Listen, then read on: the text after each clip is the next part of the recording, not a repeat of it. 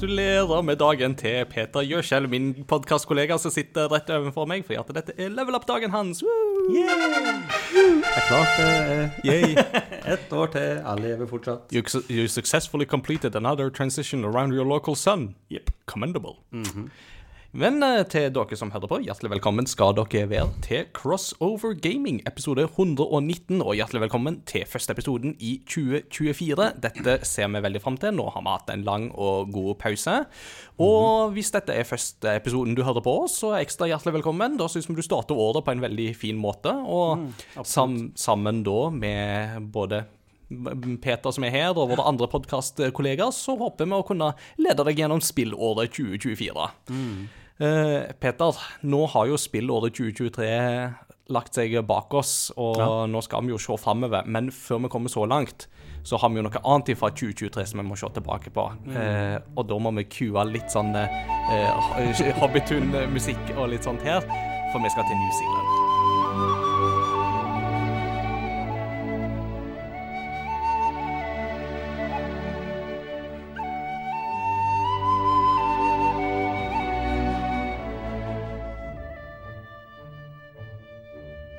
Det vil si, du har vært i New Jeg, jeg har vært uh, I went on an adventure, uh, gjorde jeg, som uh, sier Hobbiten. Så det uh, Ja. Kan jeg spørre, Var det sånn at hver steg du tok i New Zealand, så sa du 'This is it. If I take another step, it will be the farthest away from home I've ever been'. Den kommer vi festlig ofte tilbake til, både, både kona og jeg, for hun eh, hun sa Hun kom med den en gang, og så Ja. nevnte jeg at det er noen som har lagd en film om det. Hvert et steg Sam tar. Så ja, hopper du tilbake til det øyeblikket. Den gjelder på sånn tolv timer. Ja, ja, den er, kjempe, den er kjempelang. Det er en dedikert type. Uh, så, Så, det, var, ja. det var mye av det. Så vi tenker at uh, nå, før vi går i gang med liksom selve episoden, så skal du få lov å ta litt New Zealand-prat, for dette er veldig gøy for oss. Så dette blir Altså, vi vurderte jo om vi skulle liksom ha det, en sånn theatrical cut og extended cut, eh, extended edition av denne episoden, men vi fant ut at vi kan ikke Vi kan ikke gjøre som Zack Snyder og segregere seerbasen vår på den måten, eller lytterbasen vår på den måten. Så for de som eh, ikke vil ha noen spoilers fra New Zealand, eller bare vil komme rett i gang med spillåret 2024, så har vi sånne timestamps i denne Ja. episoden, så du kan hoppe videre til kunngjøringsdelen. Fattig at folk har lyst til å hoppe over det, men det er noe, Ja. folk er forskjellige. Sånn er det. Så, men innledningsdelen blir litt lengre i dag, kan du si det sånn. Så Peter, nå er ordet ditt, så ta oss med til et eh, land langt, langt borte. Så i New Zealand, der var det fint. Ja, takk til deg. Da går vi videre. ja, nei, eh, det er jo et land som har drømt om å reise ganske lenge. Eh, Ringenes herre er jo veldig mye av årsaken til det. Men jo, altså, har jeg oppdaga at New Zealand er et land som tilbyr så ekstremt mye mer. Eh, ofte når jeg har liksom pitcha det, så har jeg fått høre at ja, men det ligner jo på Norge. Ja, ja, det gjør det, men du tar helt feil. Eh, det, altså det, ja, når du reiser rundt i New Zealand, så er det veldig ofte at åh, det her har jeg sett før, men det er fortsatt helt annerledes. Um, så på mange måter så trivdes jeg utrolig godt i New Zealand, rett og slett for jeg følte meg, nesten, jeg følte meg på mange måter litt hjemme der. Eh, bortsett fra at jeg snakker et annet språk, og de kjører på feil side av veien, men det, ja, det, det lærer du fort. Mm. Ish fort. Eh, men ja, så jeg pitcha jo for kona at jeg hadde lyst til å reise til New Zealand, og da liksom Som bryllupsreise. Rins herre. og så sa hun ja til det. Og da ja, begynte vi å planlegge det. Så da eh, fikk i år, eller i fjor, så fikk vi reist dit, som var eh, ja, Bare for å si det enkelt, det er bare å begynne å spare. Mm. New Zealand er et fantastisk land å reise til. Eh, Hashtag denne episoden er ikke sponsa av visitnewzealand.com. Nei, det er det ikke. Eller Australia-reiser som vi bestilte gjennom. Eh, Men jeg er veldig glad i folkene der, for du får en tur de morgenene. Uh, det er et land du vil reise dit i jula, for da er det sommer. Eh, og da er det sånn behagelig sommer. Vi snakker ikke 30-40 grader, vi snakker 20-25 grader. Eh, og du foretrekker nordavind. Eh, så hva gjorde vi der? Vi starta i Auckland. Eh, Auckland er jo da den største byen i New Zealand. Med, I selve byen så er det 1,5 millioner Mm. eh, mennesker. Um, litt som Japan, så er det en by som har bretta seg godt utover. Eh, Ja. Så den er, stø, den er stor, da. er det. Og så flesteparten av New Zealand Altså det, de aller fleste i New Zealand bor jo på Nordøya. Mm. 75-80% av befolkninga bor jo der. Mm. Eh, og da er Auckland den aller største byen, men det er ikke hovedstaden. Nei, for det er jo Eh, Det er Wellington, det stemmer. Den er helt sør på, eh, på her Nordøya. Ja. Vet du litt om hvorfor Wellington ikke er større? Uh, det, det har altså Akkurat hvorfor, det er jeg ikke helt sikker på. det har med geografien å gjøre. Men eh, altså for det ene, ja, for det ene greia jeg har hørt, er jo at det er New, eh, Auckland er veldig praktisk plassert hvis du skal reise Mm. videre. Eh, samme retning. Eh, om du skal øst nå eh, Alt annet enn sør. Ja. Der er det galt. Men så er det òg det at Wellington er liksom Du, du har liksom kysten på Mm. tre av fire sider, og på fjerde side så har du et svært fjell. Ja, og da er det litt sånn, så, så det er litt sånn begrensa hvor stor den byen kan bli. Mm. Det er en veldig interessant by, for det, den byen oppleves som den er bygd på flere leveler. Mm. Uh, men ja, det er jo det Men det, de skal gå tilbake. Peter Jackson sin familie, er jo, det er jo der de holder til. Yeah. Uh, vi kjørte forbi huset til mora. Så det, er men dit kommer vi. Starta i Auckland. Eh, veldig grei by å starte i. Eh, du har mye eh, som du kan reise ut til, blant et eh, Wahiki Island. Der tar du ferje. Den er bare på en, altså det er en ferje som er på en tre kvarter, her til tre kvarter, men bruk solkrem. Mm. Eh, over New Zealand, der er ozonlaget eh, litt, litt sånn sveitserostaktig. Eh, det er hull i ozonlaget der. Eh, så da er jo her, når vi snakker om solstråler, høy eh, sånn eh, verdi, hva heter det? UV. Eh, UV-stråling. Det er vel sånn 7-8, ikke det? Mm. Ja, der er det jo 13-14. Oi. Eh, så jeg satt, eh, jeg, vi satt ut der i en, en hærtim. Jeg hadde på solfaktor 30 og var El Tomato i nakken. Ei, ei. Eh, så det går fort. Eh, men ut dit, og det er sånn øyparadis. Kjempedeilig. Eh, ganske stor øy. Mye folk som bor utpå der, men det er skikkelig digg. Der får vi på sånn zipline-tur. Så da har du mange forskjellige zipline du får, da, med utsikt utover Auckland og sånt. Helt nydelig. Og så satt vi og åt eh, og så Etterpå så for vi ned og hadde med på en restaurant og satt ved, ved havgapet der da, liksom så utover. Og ja, helt fenomenalt. Eh, deretter så tok vi og ordna oss med en leiebil. Ja. Eh, det er det du vil ha på Nordøya. Du kan reise med kollektiv, men det er litt tungvint. Mm. Og i New Zealand så vil du veldig gjerne ha den friheten en eh, leiebil kan gi deg. Ehm, som sagt, du kjører på feil side. For min del så resulterte det i eh, ren frontrute på hvert et kryss. Eh, fordi jeg smeller jo på vindusviskerne i stedet for, for blinklysene er på feil side, de òg, vet du. Det, eh, ja. Og alle lokale bare sier Oi, look at that gringo Ja. over there. det var liksom det. Det blir vel Australia, antakeligvis. Ja, eh, ja. Eh, så, det var, så det var eh, interessant. Og alltid når du kommer i et kryss og skal svinge til venstre, det føles som at nå, bare, nå Ja, da kutter de jo svingen. Det Mm. er kjempeekkelt. Uh, men det, du blir jo vant til det òg. Ja. Um, Rest er en eh, ut til da, ja, sørøstover. Eh, dere, Narnia er jo populære filmer. Eh, de begynner å bli noen år nå. Mhm. Men for dere som husker på, så på slutten av første filmen så går jo Aslan med de tre, fire, fire blir det, på strand der, og før de skal krones. Etter dem som krones. Nå er det veldig lenge siden sett Ja, nei, men det er riktig, det. Ja. De går på stranda før Jeg husker, på, ja, jeg husker bare om før etter. Anyway. Uh, på, det er på New Zealand det ble filma inn. Ja. Uh, er det. Uh, vi, var på, vi var ikke på den stranda, tror jeg. Vi er på nabostranda. Uh, for der så ha, kan du få ut med kajakk. Eh, ut i havet og sånt med, med guide, og så fer du til en plass som heter Cathedral Cove.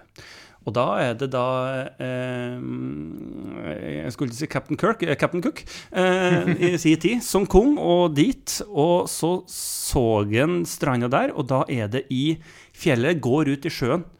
Men så har du Det er to strender som er da avskilt pga. det fjellet.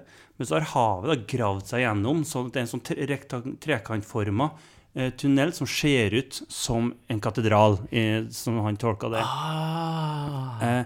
Det, det er sånn strandøy-havparadis som du bare Som, som du James, I beste James Bond-stil, liksom.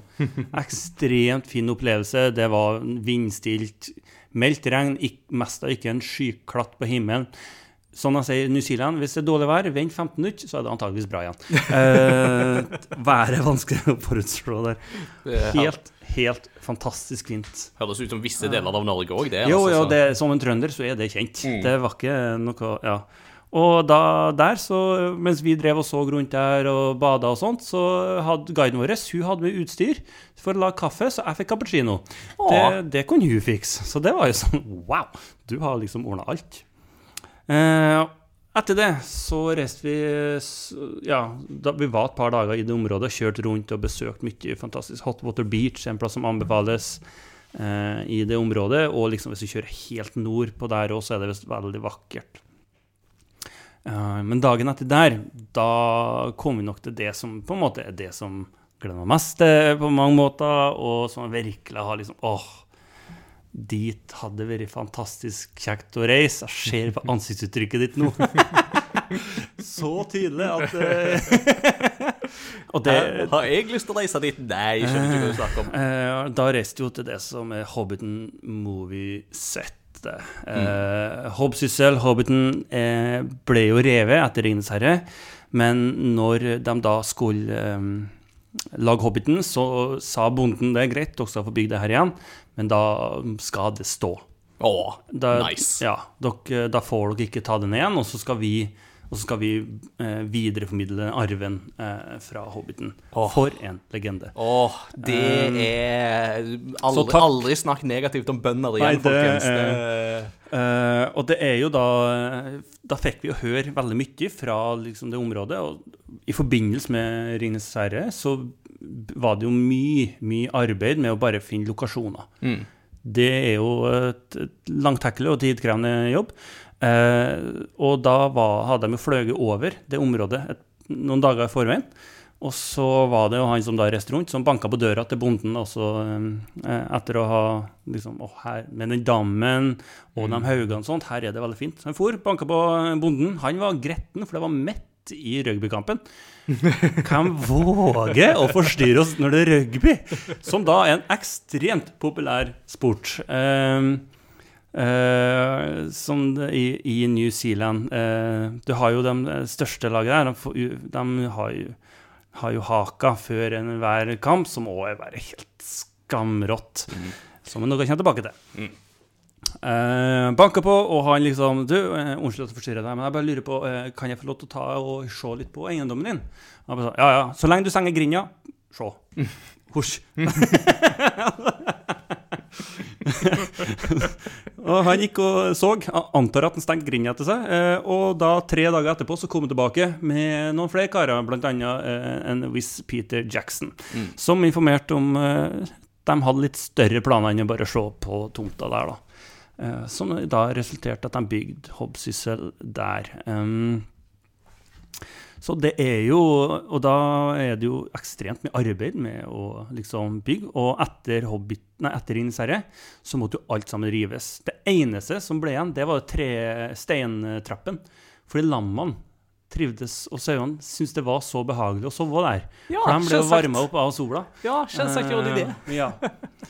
Og eh, eh, ble filma der, og da er det jo fanta Du får jo votta utrolig mye fun fact fra det området. Blant annet i Hobbiten så har du jo en del eh, trær, eh, eller i Hobbsyssel, eh, og da har du det epletreet, tror jeg, som er der. Problemet er at epletrærne de har, det, de er ikke Ja. Hobbitene skal være så mye mindre Mm. enn det vi er. Så hvis du har et fullt voksen menneske, så vil det bli profesjonelt feil. Så da fikk de tak i annen type tre, som er mye større. Ja. Og så måtte de, eh, men det er jo feil blad, det er feil eh, frukt på det treet. Så da tok de av alle bladene på det treet, og så plasserte de på nye blad oh, på det treet og frukt. Og det er vel på skjermen sånn Er det to, tre, fire sekunder? Ja. Det tok tre måneder. Men dette her er jo det der attention to detail-nivået som jo har løfta Ringenes herre-trilogien til det nivået Det de er liksom er det, det er der han er. Som er, er, er Peter Jackson ekstremt dyktig på. Uh, detaljnivået og en del sånne ting. Og likeens i Party 3 så vil du fortsatt i dag se rester fra et lite tau med en sånn snelle på, uh, som da er fra når de eh, Et telt med en rakett inni Ja, skulle opp. Oh, Det er hengt på ei snor Nei, så gøy! som fyker opp. Uh, og det var, det var jo en slags rakett og sånt. Eh, Billy Boyd, Mm. han var så nervøs og så redd før det greiene her. Ja, det skjønner jeg godt. Så hvis Har du tenkt over den lyden de lager når den der Hvordan lyd de kommer? Ja. Det høres ut som ei dame som hyler. Ja. Og det er Billy Boyd, som hyler av skrekk.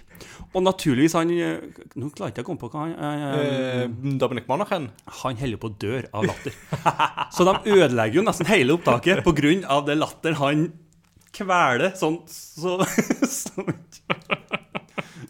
som er Som er der. Um, og så var det jo på en måte Så vi fikk komme dit. Vi fikk opp til, til Bag End, se alle bygningene, eh, stå inni et par av dem. Og så var det jo plutselig det som pika hele opplevelsen, når hun da forteller om at eh, 1.12.2023, da åpna det en ny attraksjon her. Da hadde de to ferdigstilte hobbithus som du kunne gå inn i. Og da, du, da var det liksom Hvis det sitter fast, la det være. Om ikke, ta på det, kjenn på det, test ut. Ligg i senga, sitt i stolen, gjøre det du vil. Eh, så, da, og så, da fikk du komme inn i eh, huset til Vi fikk gå inn i huset til Proud Feet. Mm.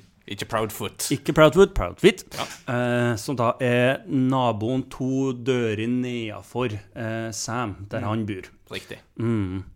Eh, som var Og den stemninga, lyssettinga Og da, da kommer du inn en lang gang, og så det som da møter deg, det er jo da ei stue, det er fyr Altså det er fyr, ekte ild i peisen, Mm. og uh, har den dunkle stemninga. Proudfeet er jo en ganske De har ganske mange vinduer, så det er en rik, ganske rik familie. Ja. Eh, er det.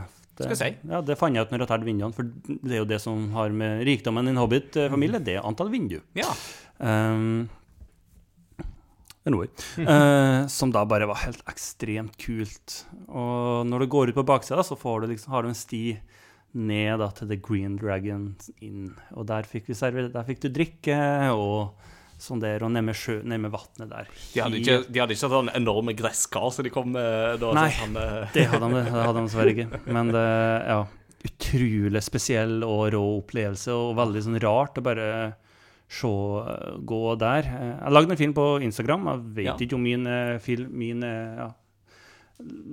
Spør om, Hvis du ikke får til å se den, så kan vi bare legge meg til som venn hvis du har lyst til å se den. Helt OK video, men jeg fikk ikke lov til å lage min 1 12 minutt, så jeg syns den er mye. Mm. Men det, da får du litt feeling, i hvert fall, om hvordan det er der. Ja. Um, Hva er handelen din på Instagram, forresten? Er det PJ Kjell? Eh, Peter LJ93, tror jeg. L, Ja, for da er det. En, av- av to, tenkte jeg da. Ja. Så, det, ja, så, så det var helt utrolig spesielt, og du får liksom kjenne litt på den følelsen. Uh, tips når dere reiser, reiser dit, ikke hvis, når, Mm. eh, eh, prøv å få, så, få første tur på morgenen. Ja. Eh, for da har jeg skjønt det sånn at da er det mm, mindre grupper, for én ting, og så, er, har, så har du ingen foran deg. Så Mm. når du kommer inn der, så er det helt eh, Det er liksom Det er ikke noe folk der. Eh, og eller ekle folk. Turister. Wow. Eh, folk, folk som er i veien. Eh, det tipset fikk jeg fra en kamerat. Vi hadde forhåndsbestilt. Så, det var, så vi fikk, du får en formidabel opplevelse uansett. Og med litt sånn vinkling og filming og sånt, så klarte jeg å få det til å se ganske greit ut. Så det- Men det anbefales på det sterkeste å reise dit. Herlig. Mm. Eh, så, og så hadde vi eh, kvelden etter der, så var det et annet som en ting som jeg òg har drømt om å oppleve. Eh, nå er jeg på 23. desember. Eh, det er en ting som jeg Første gangen jeg så det, det var når jeg så liksom ekstramaterialene fra 'Ringenes herre'. Nerd. Uh, hvor hvor uh, når de da hadde avslutta siste filming fra 'Ringenes herre', så ble de hilsa med haka, uh, som da er Haka det er en kult, veldig sånn kulturell dans som hører til maori-folket, altså urfolket, i New Zealand.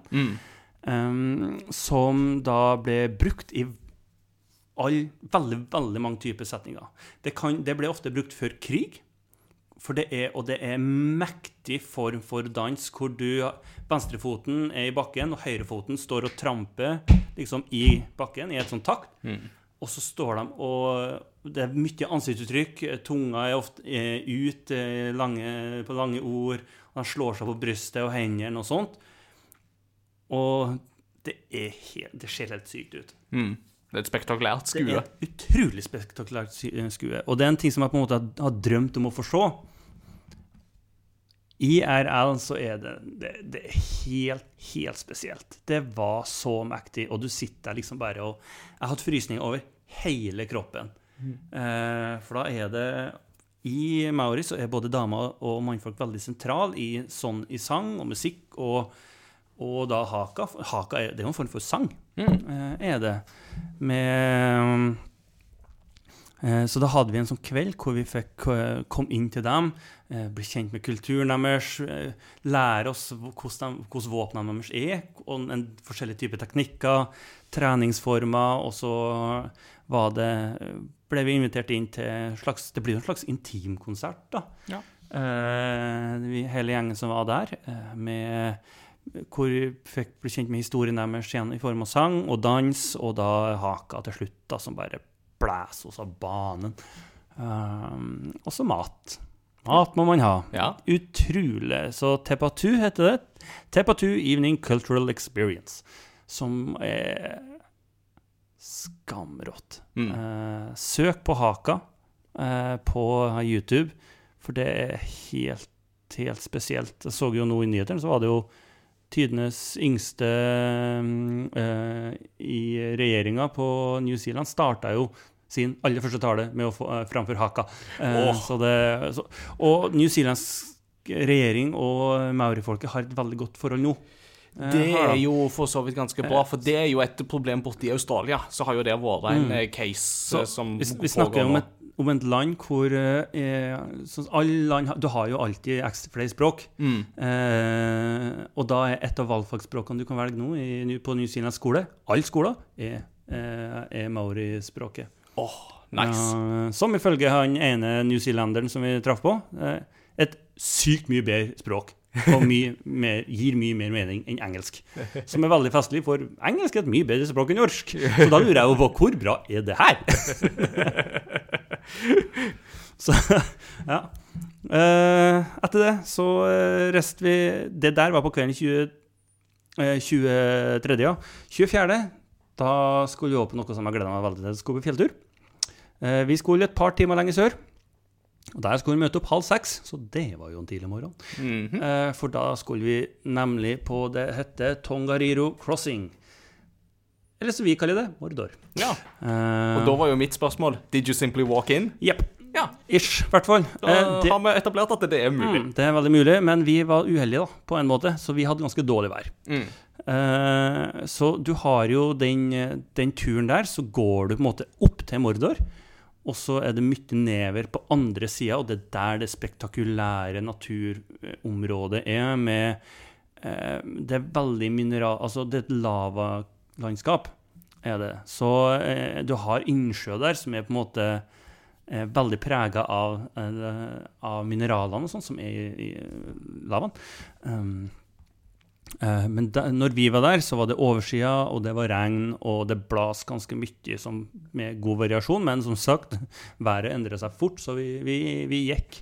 Og da endte vi opp med at Og da skjer det på en måte mye, men vi gikk til Mordor og sto på Mount Doom, og så måtte vi snu. Ja. Eh, men jeg kan si at jeg har vært i Mordor, ja. og det er nok. Så da, bare for å kunne peke når vi ser Ringens herre neste gang, at der har jeg vært, så er jeg egentlig kjempefornøyd. Og så får vi heller ta det neste gang. Så hele, hele denne turen har det egentlig bare vært Peters uh, tour of spite against Ingar 2023, ikke sant? Det, hele formålet med turen er jo bare for å kunne gni det opp i trynet på Det meg. det, altså, det er det jeg har planlagt siden jeg var åtte. ok? Ja. En gang i framtida kommer han seg til å møte en fyr, og jeg skal bare Jeg skal reise dit bare for å irritere Så, så det mm. Og så var det jo 24, det var 24. desember. God jul. Eh, New Zealand så feirer de jul 25. Mm. Ja, det er sånn jo Christmas jo- Day, som ja. i USA. Eh, da stenger alt ned. Ikke, altså, hvis du er heldig, så har du én bensinstasjon i byen som er åpen. Så det var liksom ikke bare litt heller. Eh, og, så da fant jeg ut at da går vi i kirka. Ja, Det, Sånn som vi jo gjerne så gjør. Det gjør vi jo gjerne. Så vi endte opp i baptistkirka, for det var det som føltes mest Det var det som ble mest naturlig for oss der. Eh, Da var det damer som satte seg ned med oss eh, før og så når det starta, og utrolig kjekk opplevelse. Um, jeg måtte Låssangen Jeg koste meg så sinnssykt. Og for å si det sånn, du vet eh, det er en japansk barne-TV-figur, en trommis, som går total mayhem på, trommesla- på Ja, trommesettet. ja, ja. eh, Nyango Star. Yeah. Det hadde de i den kirka. Han var så overkvalifisert for den jobben der. Så. altså, du hadde liksom Altså, det var gitar og bass og keyboard og sånn, og dem var veldig sånn som det vi vant til. Og så hadde du en trommis i bakgrunnen som bare gikk total mayhem på trommeslaget det, det, det, var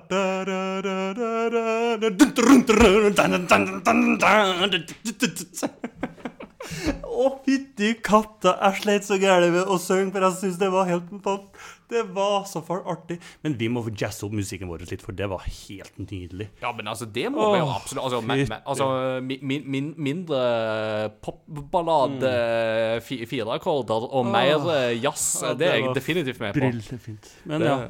Men så var jo Men ja, årsaken til å trekke fram det her, det var jo da Når det var ferdig, så spør du dama hva dere skal gjøre i dag. Nei, vi skal ete Vi hadde fått tak i På hotellet så hadde restauranten der var åpen.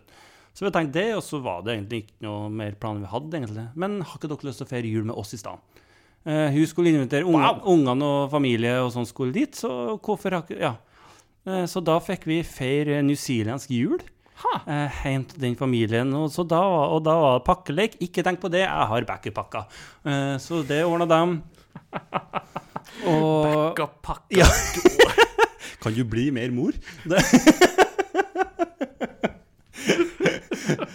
Og fikk liksom skikkelig god mat og oppleve hvordan de feirer jul der.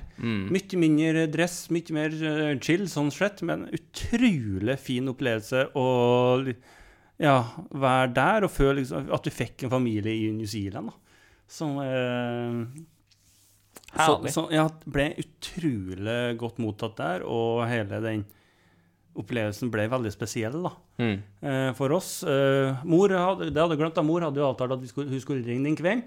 Eh, så spurte jeg jo på kødd eh, om noen av dem ville ta den. Hei, mor ringer, er det noen som vil svare? Og hun ene hun tok jo telefonen, hun. Hei, mam!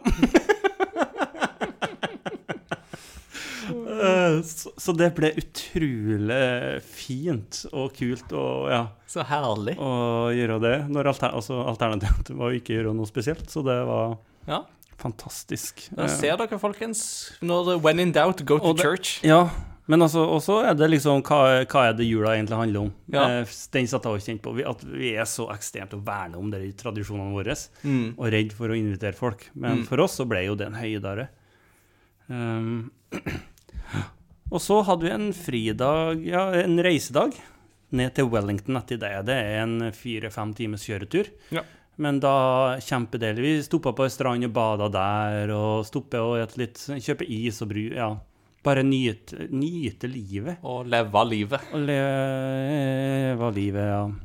Um, før vi dagen etter så hadde vi Lord of the Rings Full Day Tour. Oh.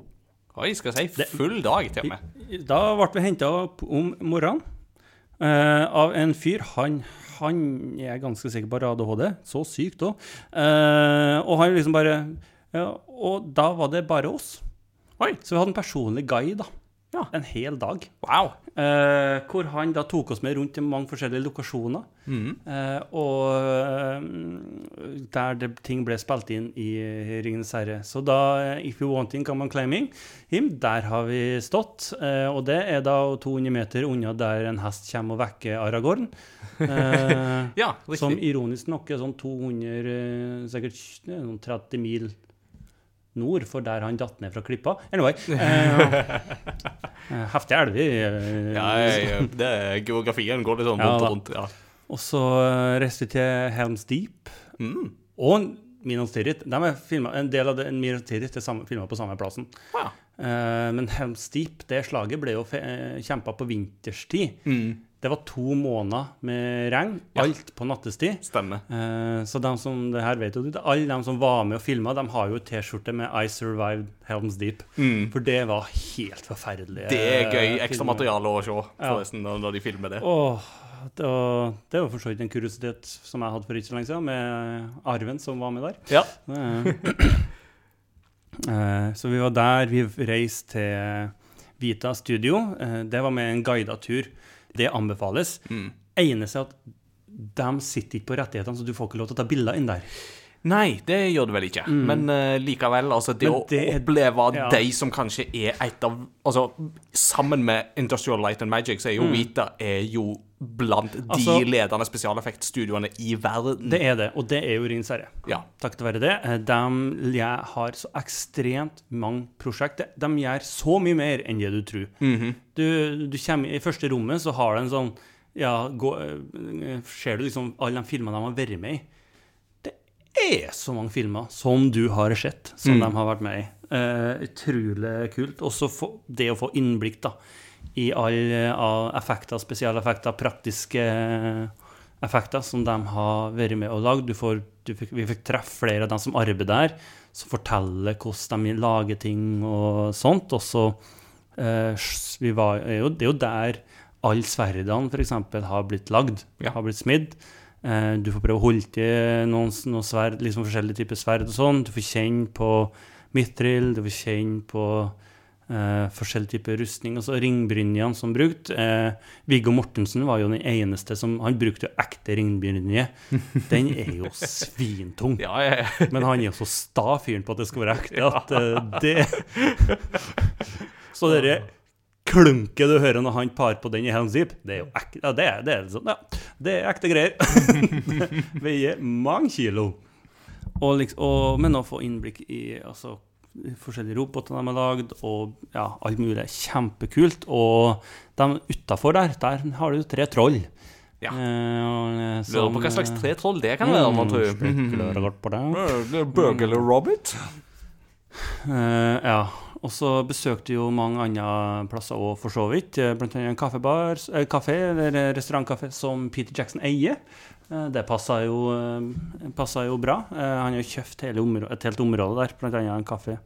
Eh, så jeg etter mat på Peter Jackson sin kafé. Ja, ja, ja, skal si, du har sponsa han direkte med noen Ja. kroner. Mm, Ja, det er det er helt greit, for han er gleden han har gitt meg. Ja, ja, ja, ja. Han er verdt det. Mm. også et visst tre som Frodo sitter i helt, helt, helt, helt, helt i starten. Mm. Der har jeg sittet. Mm. Mangla boka, men Annika var med, så det er jo like greit, det. Ja. det er, og og likeens, jeg har gjemt meg i ei grop for en Asgull som ikke var der. Oi, oi, oi. Eh, når du er der i dag, så spekulerer du på hvor imponerende dårlig den Asgullen er til å lete.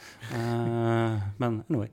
Til deres forsvar, de har ikke øye, da. Nei, det skal ses. Men de har jo eh, De har jo lagt til mye tre og sånt der, da. Mm. Mm. Kjempe, kjempekul opplevelse. Um, ja. Og så får vi til Sørøya. Ja. Mm. Eh, som er til Queenstown, som er på en måte ekstremsportbyen, hvis du liker det. Ah. Eh, Strikkopp. Okay. det kommer derifra. Ja. Mm. Eh, vi passerte jo der første liksom, det, det, Du kan fortsatt hoppe strekke opp der det starta i verden eh, nå i den dag i dag. Det er jo kult, da. Eh, Det er bare 30 meter. Eh, men det ja, ja. Så det er jo en kul opplevelse. Men da får vi til Vi testet ut noe, til noe som heter Milford Sound. Det er en fire timers busstur vestover. Eh, den guiden eh, Du har noen guider som snakker for mye, du har noen guider som snakker for lite. Og så har du noen guider som snakker på en måte for mye, men er så god at det er helt greit. Ja. Så til tross for at jeg var vanvittig trøtt, og han skravla Altså, han fortalte om landbruket, han fortalte om fjellet, naturen, tresorter Han var utdanna sånn naturting. Eh, Agronom? Nei. Nei. Eh, Biolog. biolog Ja. ja. men det var sånn fancy-pansy biologer. Eh, eh, fra Amerika, så var det lett å forstå, kanskje. Uh, kjempe, kjempekul type. Uh, han forteller òg bl.a. at det er bare tre tresorter i New Zealand som slipper bladene sine. Oh, ja. Husk på det til senere. Uh, vi får til Milford Sound. Det er det nærmeste vi kommer Vestlandsfjord. Uh, det er da en fjord som er fin å reise til om det er fint vær, eller om det regner, eller om det er. Eh, er det sol og fint vær, da får du en mektig fjord. Uh, er det liksom Vestlandet? Ja, men nei. Eh, fortsatt helt spesielt. Vi reiser på en regnfull dag. Regnfull dag, det betyr at da har du bare hundrevis av fosser. Og den båten kjører jo inn i en foss, så om det regner, da du blir blaut uansett hvis du vil. Eh, kjempespektakulært syn. Hæ. Utrolig kult. Eh, vi for på en annen dag, så for vi på eh, vintur. Eh, fikk besøke mange forskjellige vingårder og smake vin der. Er du interessert i det? New Zealand har et av verdens beste vin. Mm. Um, ikke bare fordi jeg nå er partisk, men vi snakker om et land som var det første til å skubbe Frankrike ned fra førsteplassen i et av rødvinsklassene. Um, det er jo på samme eh, grad som eh, Frankrike. Ja. Samme breddegrad. Samme breddegrad som Frankrike. Mm. Eh, det er ikke lenger sør enn det. Det så det var sånn Å ja, stemmer. Så langt Så langt nord. um, så de er utrolig gode til å lage vin der, og veldig, veldig god vin. Uh, så det er òg noe som anbefales.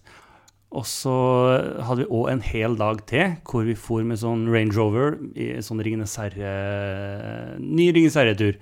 um, en tålmodig kone oppdaga Tenkte jeg etter hvert når jeg liksom ser på hvor mye Ringenes herre-ting. Eh, men da så Og besøkt enda flere sånne plasser. Hun påsto jo at uh, If You Want In Come and Claim In var der. Så det syns jeg var litt interessant, da. Uh, men vi besøkte jo eh, Argonath, de to statuene med eh, My Father, My Forefathers My kin. Ja. Ja. Um, det jeg lærte da, som jeg hadde glemt Jeg husker ikke om jeg hørte det, jeg glemte det. Det er jo at de to statuene, ansiktene, det, det er jo faren og bestefaren til Viggo Mortensen. ja. Det visste ikke han før han så filmen. så når han snakka om at det er my kind, så er jo det Det er jo faktisk det, det, er det. Det er jo det. Så han ble jo kjempeoverraska. Han forteller jo òg at uh, i den elva, de, eh, båtene de fer med, alle båtene, er, for, de er jo, det ser du på dem hvis du har litt peiling på båt, de er ustødige. Ja, ja, det, Ja. Det, det ser du. Det er jo ikke uten grunn at det Ja. tviholder seg i kantene. Altså, det, det Ja. ser du. Det er ekte det er frykt. Uh, Stuntmann til Gimli Mm. Uh, han, De trengte jo en litt kortere fyr. En, han er jo så lang. Ja, altså, John Rhys Davis var jo Ja, den høyeste av alle de ni er skuespillerne. uh, han datt jo ut av den båten oh. i, midt i elva. Ja. Han overlevde fordi Orlando Bloom var rask nok, husk på, med utstyr, med fullt Gimli-utstyr, som var rask nok til å kaste seg over når han da var under vann, og klarte å få tak i den, holde båten ish stødig og holde hau, så hodet var akkurat over wow. vannoverflata. Så, og folk kunne liksom komme til å få heisa han opp. Oi sann. Han var på vei rett nedi. Han, han ble redda av Orlando Bloom. Det er jo en kul ting å kan si, da. Ja, det er ikke rart at Gimli åpner seg mer opp for eh, Legolas eh, da. Ja, det er liksom det. Uh, og så besøk, var vi rett på Vi ser rett over på øya til en del sånne ting fra reisa. Fra når Rohan skal til Hands Deep. Eh, du vet, det, det, det de går forbi i sånn lang, lang rekke. Ja. Um, Rett før uh, når Gimli snakker om at It's Ja. true you don't see many dwarf women. ja, det området der. Det er en kjempeliten dam. Ja. Uh, og da var jo spørsmålet hvordan skal, vi, hvordan skal vi få det her til å se større ut og få mer dybde på ting? Og, ja. Så da er de, de personene du ser fremst, det er da store, fullvoksne, de lengste personene fant i. Og så blir de yngre og yngre. Så de du ser helt bakerst, de er to og tre år. altså bare tenk på det neste gang. Klarer du å se det? Jeg tror egentlig ikke du gjør altså, du tenker, du, du Aldri i evigheten om du tenker over det. Nei, nei, nei. In fact, they're so close in voice and appearance. Ja. Uh, helt, helt fantastisk. Eh, og så fikk vi litt, litt etter gull at, og sånt òg. Det var oppe en reise, vet ikke hvorfor. Eh, og så kjørte vi også, over dit Beorn eh, holdt til fra Hobbiten. Oh, Eh, vi ja. kom aldri helt fram dit, fordi det hun fortalte oss når hun kjørte ut derifra, det at det er verdens topp fem farligste veier. Eh, det Oi, sa hun etterpå. ja. Eh, og det blir bare verre og verre. Men det som hun fortalte derifra òg, det er at han som starta det firmaet der, eh, hadde helt, helt, helt i starten, så hadde han en guidet tur med folk der. Og når han var på vei nedover, så kom det en bil oppover i litt større fart enn det som kanskje han befalt, som, eh, som skulle liksom bare kjøre forbi. Ble litt uheldig, og ene dekket for utafor.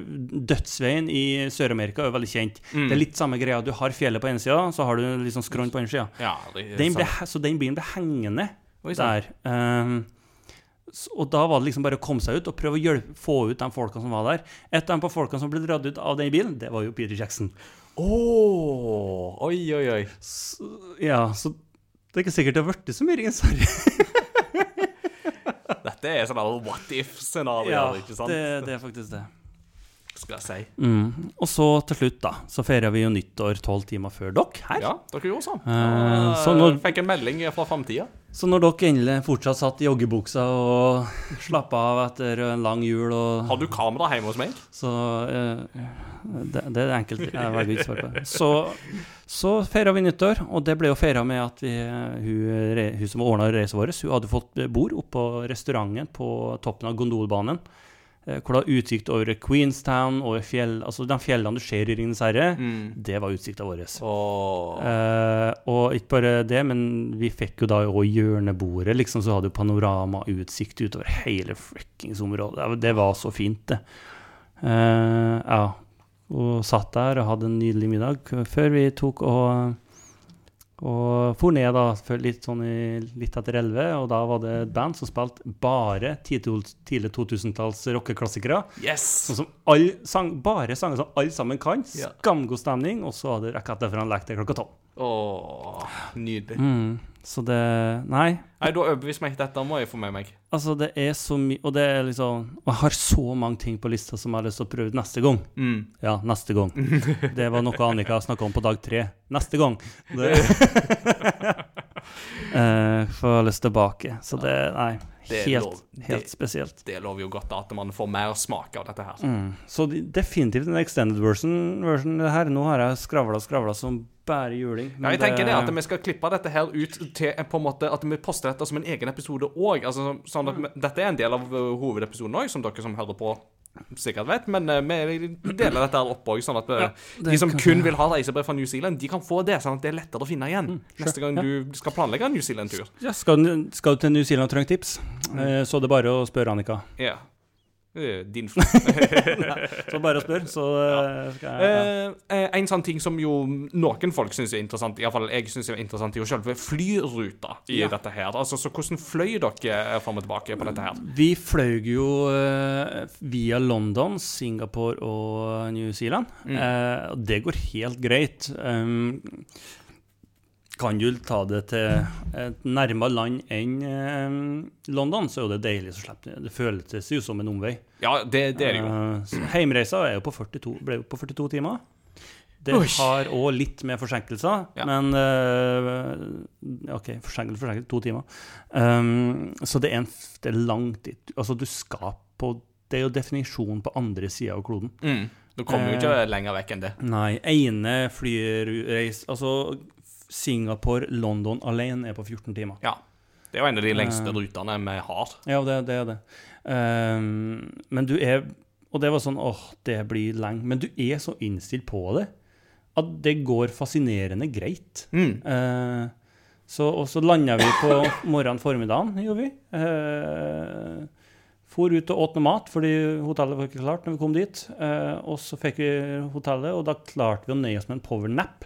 Ja. Eh, og da sov vi godt neste natt. ja, for det er det som er trikset.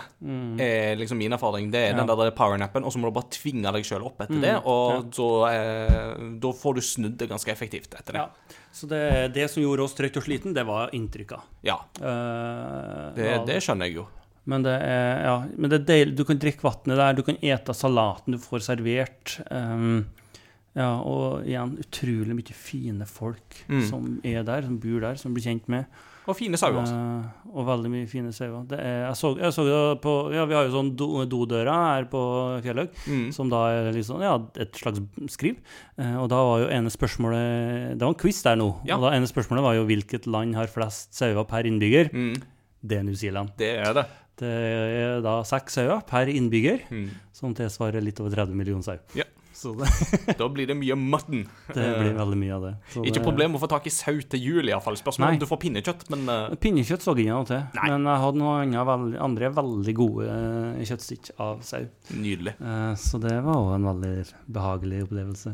Åh, ja, nei, nå fikk jeg lyst til å reise. Det er iallfall ingen tvil om det. Eh, så utrolig stas å få en Jeg har jo fått litt inntrykk, men nå fikk jeg jo en skikkelig debrief, for det syns jeg var ekstra artig. Eh, så det er gøy. Eh, Min eh, juleferie var liksom ikke like spennende, men det var jo svigers på Jæren, og der var det en liten storm som heter Gerrit, som eh, kom innom fra England, og det var liksom det mest spennende som skjedde der. Eh, Det vil si, det mest spennende var jo at jeg faktisk fikk med meg fem eh, medlemmer av eh, svigerfamilie, altså to svigersøskenbarn eh, og to svigersøsken og en inngifta eh, ektemann. Eh, og vi gikk og så Godzilla minus one på kino. Eh, altså japansk Godzilla-film. Så der må jeg si jeg var imponert over eh, Extended Family, som faktisk var med på å se japansk film tredje juledag. Men, den filmen, men den filmen er altså uironisk varmt anbefalt. Altså, det, Mm. det, det, var, det var en skikkelig god film, eh, så kan varmt anbefales. Eh. Hvis du skal gi deg sjøl litt ekstra på en måte bonus når du ser denne, så ser du den aller første Godzilla-filmen fra 1954 først. Ja, okay. For det er noen sånne tie-ins der. Eller, du, eller sånn, du ser på en måte at det her Denne nye film, filmen skylder originalfilmen mye. Men den står veldig godt på egne bein òg, og er sånn uironisk en god film. Så, Mm. ja. Da har vi prata mangt og mye om eh, New Zealand og eh, våre juletider og den slags. Det ble jo en egen episode. Ja da. Så jeg tenker at vi skal Vi skal begynne å se fram mot 2024 og snakke litt videogames. Det på en måte greit at det her skjedde i år og ikke i fjor. Ja. For den lista i fjor var mye lenger. Ikke sant?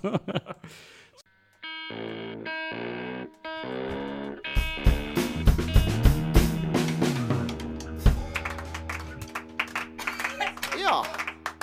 Eh, himmelsk lyd fra ungdommene. Eh, nå er det ukens kunngjøringer. Vi skal begynne med en 2023-nyhet. Um, og her gjelder det å ha litt sånn tunga rett i munnen, tenker tenker jeg. Fordi eh, den største nyheten rett eh, etter at vi var ferdig med vår Game of the Year-episode, var jo at Insomniac Games, altså de som jo står bak Spiderman-spillene, eh, og Ratchet Clank, ble jo hacka. Eh, Og mista jo eh, halvannen terabyte med interne data til hackere. Eh, og det som jo blant annet var et resultat av det, var jo det at personlig informasjon kom på avveie til mange av de ansatte, og ikke minst en sånn tiårsplan for Insomniac eh, ble jo òg lekka. Ja. Eh, jeg tror vi skal være litt forsiktige her med hvor mye av det vi på en måte går inn i detaljer på, for det er veldig mye diskusjoner knytta til hvor mye av dette her er på en måte etisk forsvarlig ut fra et journalistisk perspektiv å snakke om, og ikke. Og her vet jeg at folk har litt forskjellige tilnærminger på dette her. Uh, Pressfire har jo skrevet veldig mye om dette her, uh, ut fra sitt perspektiv og argumentert for det. Gamer har en litt annet perspektiv, Gamer Reactor har et annet perspektiv igjen. Digital Foundry snakker litt om dette her, og hva, liksom, hva er på en måte for, for dette er jo på en måte en dette er ikke en lekkasje som følge av noen intern som har sluppet det ut for å varsle, eh, eller rettsdokumenter som har kommet på avveie, eller sånne ting. Dette er på en måte et innbrudd uh, i Insomniacs uh, personlige data. Eh, så jeg tenker det at de som er nysgjerrige på det, de kan på en måte gå og på en måte Eller gå til et anerkjent Uh, spilljournalistisk medium. Uh, og det er liksom litt her, for, for at ingen av oss her er journalister. Det er jo kanskje litt viktig å påpeke. Det er jo, når folk spør om jeg er spilljournalist, så svarer jeg nei, jeg er spillanmelder. Det, og det, dette er en av grunnene til at jeg vil altså skille litt der. Og jeg er entusiast. Ja, og en spillentusiast, ikke minst. Eh, og her tenker jeg at uh, dette er noen sånne etiske retningslinjer å følge og sånt, som er litt sånn viktige å ha i mente når man eh, tar for seg dette materialet her. Mm. Men er uansett trist når sånne ting skjer, og bare bevise at folk eh, i spillbransjen òg må få på plass eh, gode sikkerhetsrutiner for datasikkerhet. Det Sony jo ble jo ja. Ja, og Sony har jo hatt, og Microsoft har jo hatt, og Nintendo har jo hatt. Så det, de fleste har jo fått noen lekkasjer etter hvert.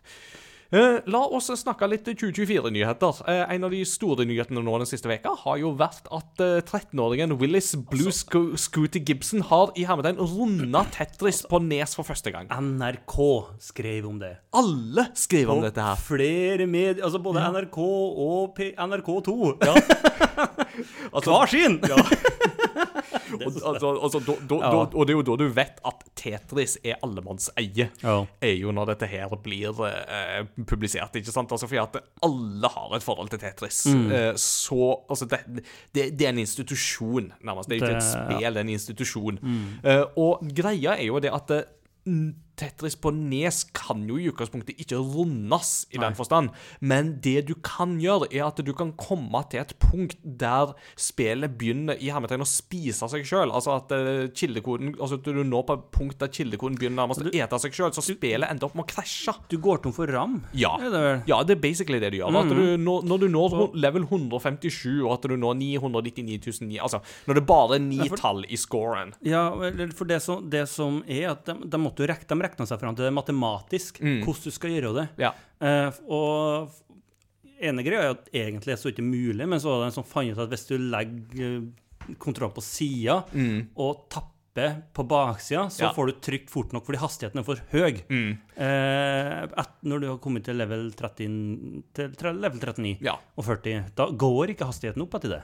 Eh, men hvis du tapper på baksida, så får du flytta den fort nok. Ja. Eh, som i seg sjøl sier hvor imponerende det er å holde på etter det. Dette er kjempeimponerende. Og det er jo Ja. Og- så og så var det jo Det første som klarte det, det var jo maskin. Mm.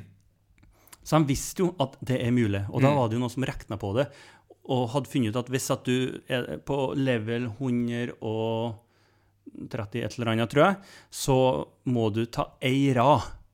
Og da tredje raden sånn, Mm. da får du en sånn krasj, og så neste gang så må du få til så som Ja. Så det er veldig sånn spesifikt når du skal få til. Og etter årsaken til at det er så vanskelig, hvorfor det er så vanskelig når hastigheten ikke øker, det er jo fordi at etter hvert, så Når du kommer til level eh, 40, da har du på en måte runda spillet. Så da vil jo Da starter fargene går tilbake til første fargen. Mm. Det opp Det blir messa opp etter hvert.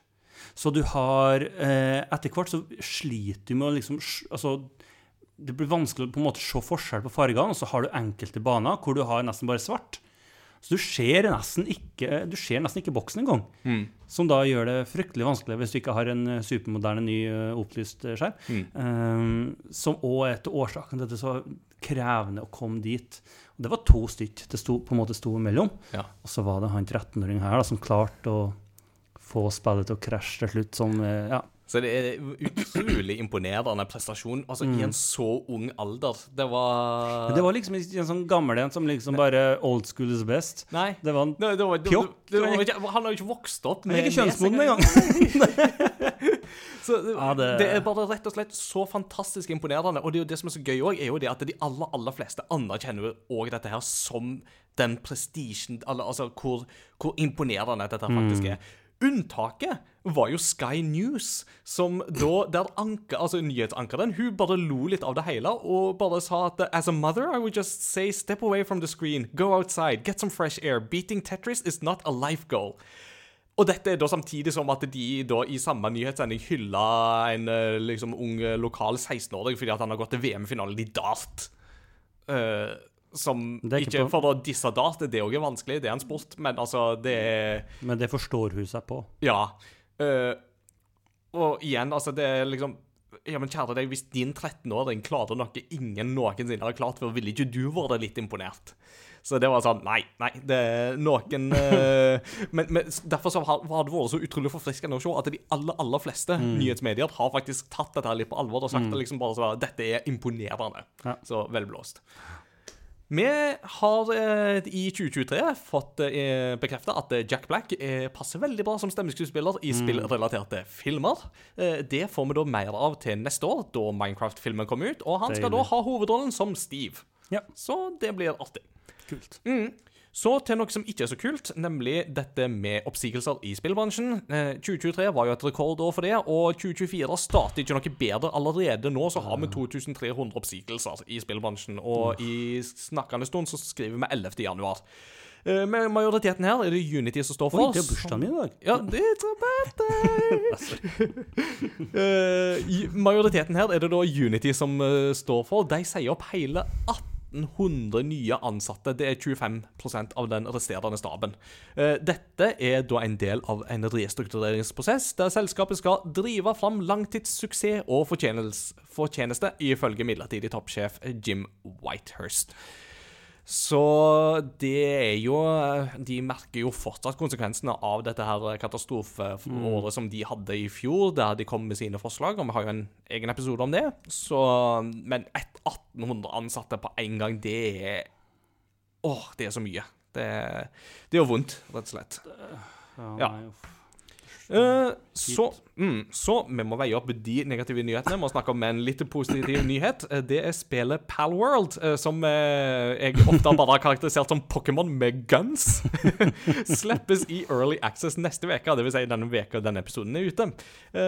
Så hvis du er nysgjerrig på en litt sånn alternativ take på Pokémon, der folk har våpen, og der det er litt sånn der skråblikk på hele Pokémon-greiene, mm, så, så kan jo kanskje dette være noe for deg. Jeg pleier ikke å sjekke ut Early Access, men her kan det hende at jeg gjør et unntak. Mm. Så skal vi videre til The Last of Us. Det var jo en TV-serie som imponerte oss mektig i fjor. Jo. Eh, og det var ikke bare vi som var imponerte. Her var Emmy-juryen var òg ganske godt imponert. Så eh, i Creative Arts-delen av Emmy Awards, som da er separat fra liksom Primetime Emmys eh, det, Altså Creative Arts det er liksom litt mer den her bak kulissene-prisene. Så vant The Last of Us hele åtte priser, og ble dermed kveldens største vinner. Eh, blant annet, og her er det jo litt gøy, så vant norske Espen Nordahl fra norske Storm Studio en pris for beste visuelle effekter i en sesong eller film, og ble dermed historisk eh, i en norsk sammenheng. Så yay! Yay, for, det, for, Norge, for, det, Norge. for det tenkte jeg på. Fordi de, altså det er, det er studioet der. Det, det visuelle de har lagd, det er jo de tentaklene som kommer ut av viruset. Ja. Som kommer ut av kjeften. på oss. Enn å arbeide med det i månedsvis. Ja. For en heslig jobb. Fytti Og de er så ekle. De er så ekle. Ja, Espen, hvis du hører på, gratulerer. Ja. Dette her var veldig godt fortjent. Mektig imponert. Ja. Og når jeg sier at det er heslig og ekkelt, det er med, med, det, det er med det, det, det, Jeg kan ikke skryte mer. Nei, det, er et kjempestor eh, kompliment. Det, det, det, det er heslig og ekkelt. Det er trøndersk for uh, råbra. Wow.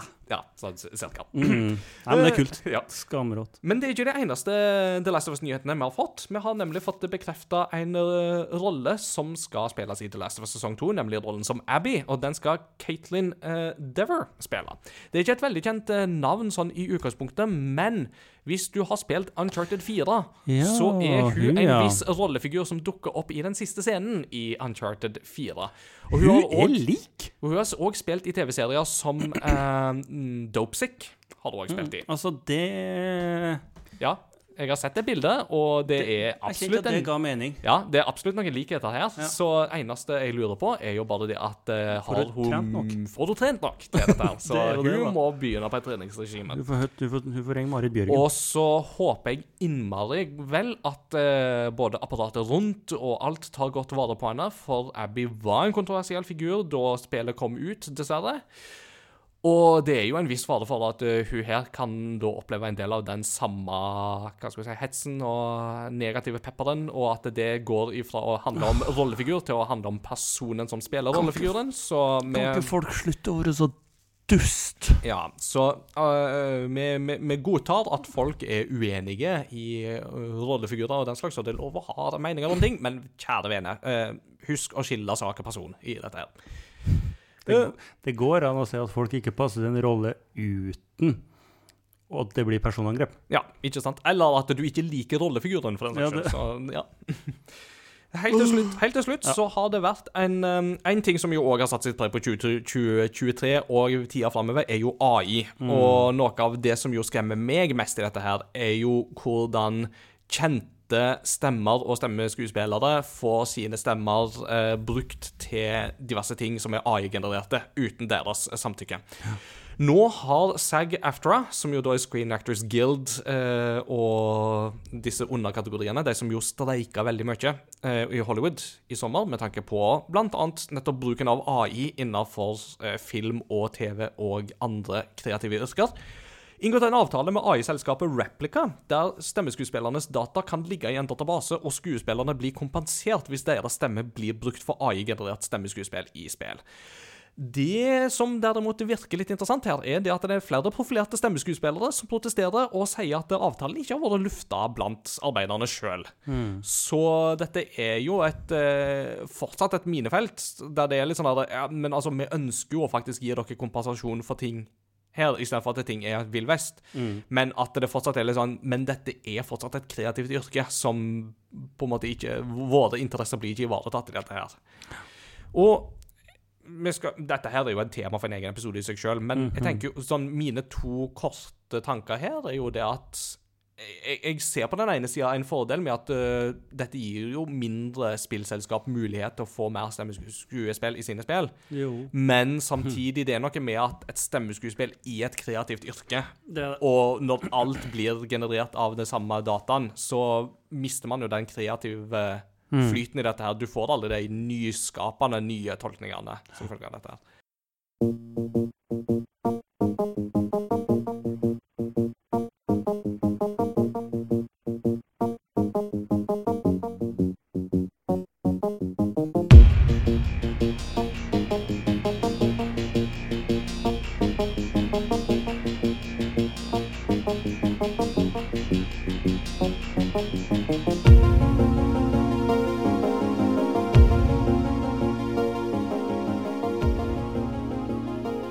Skulle tro at det var New Zealand som var dagens tema, men det er det ikke. Vi skal, som tradisjonen tror, se mot spillåret 2024. Og vi skal snakke litt om eh, ting som vi gleder oss til i år på spillefronten. Eh, Men før vi på en måte snakker konkret om spillene, så er det jo litt sånn Er det noe annet vi tror kommer til å prege spillåret 2024? Er det noe vi gleder oss til? Altså, er det trender, endringer, ny teknologi etc.? Vi har jo allerede snakka litt om AI, men er det noe annet som du på en måte ser for deg i spillåret 2024? Sånn det, det, er, altså teknologi, det er så vanskelig å foreslå teknologi for tida. Ja? For går, det går så fort. Det er jo en ganske stor teknologiexpo borti Los Angeles akkurat nå. Ja, CS går jo nå. Mm. Og apropos det, så glemte jeg å nevne at eh, MSI har jo avduka sin sånn Steamdeck-konkurrent, Mm. eh, MSI Claw. Det er Claw. så det er jo flere så, Men det er jo en trend som Mm. definitivt kommer til å etablere seg enda mer på markedet, tror jo jeg, er jo de håndholdte PC-ene. Ja. For det, det er liksom det. At det er, det er en ting som har blitt ekstremt Fytti Nintendo, de starta noe stort! De, de gjorde det. At de ikke, tok de ikke patent på de greia der? Det, der var altså de som er så glad i penger, og slapt. Eh, men Ja, det det, er- det, det har jo vært eh, litt sånn rettssaker knytta til om den joycon-teknologien var noe de egentlig, som egentlig var noen andre som hadde patent på. Så ja, det er ikke jo sant? Så kanskje ikke det. uh, men det tror jeg absolutt også jeg er spent på innenfor eh, VR. Og da er jo både VR i briller, men også VR Altså at du har eh, glass-VR, så du kan bruke som vanlige briller, men se gjennom og mye sånt. Ja, Så da Eh, snakker vi jo mer sånn AR, nesten. da. Ja, nesten AR. Jeg er spent på uh, spill sånn som går inn på bevegelser, som registrerer. Og det har jo altså PlayStation hadde jo det før eh, i tida, og så har de jo gått litt bort fra det. Mm. Men hvor du da har et kamera som registrerer om det er noe som kanskje kan komme tilbake. For det er veldig artig sosialt uh, sett. Um, men eh, det, det, det, så, det, blir så mye tanker og fantasi fra min side, så det er liksom spillene som en kommer tilbake til. Mm. Hvordan spill, for det for spillene som kommer vi, vi har jo ofte en sånn ikke relativt grei oversikt over hvilke spill som kommer det året. De, jo, de forteller jo også ganske mye om teknologien. De, de gjør jo det. Ja. Eh, en faktor her, en joker her, er jo oppfølgeren til Switch. Ja. Eh, som jo eh, de fleste er jo ganske sikker på at vi får en avduking av den i år, iallfall. Det, og det tror jo jeg òg. Mm. Ja. Spørsmålet er jo om den blir lansert i 2024, eller om den bikker over til 2025. Mm. Eh, jeg er jo blant de som fortsatt tror at Altså, jeg har ingenting å på en måte grunnfeste dette her i, annet enn bare en, en hunch, altså Mm. en magefølelse. Men det er noe med at Switch selger fortsatt så Ja. bra for Nintendo at eh, på, på det området der, så, så, så har de fortsatt muligheten til å vente til 2025 hvis de ønsker det. Ja. Og jeg lurer nesten på om de på en måte tenker det, for å på en måte sikre god nok produksjon og ha nok enheter og ha nok spill og den slags type ting. Fra et spillerperspektiv så skulle jeg jo gjerne ønske at det kommer noe nytt i år, fordi at det er jo ikke tvil om at Switchen begynner å dra litt på årene. Jo, jo. Så det, det merker man jo. Jo da, men, det, men altså, Switch selger så bra at det har ikke falt meg inn heller enn at den skal Eller sånn. Mm. Økonomisk sett så tror jeg det er lurt å vente. Mm. Fordi, ja, vi som har hatt noen år eh, Jeg har ikke OLED-en heller.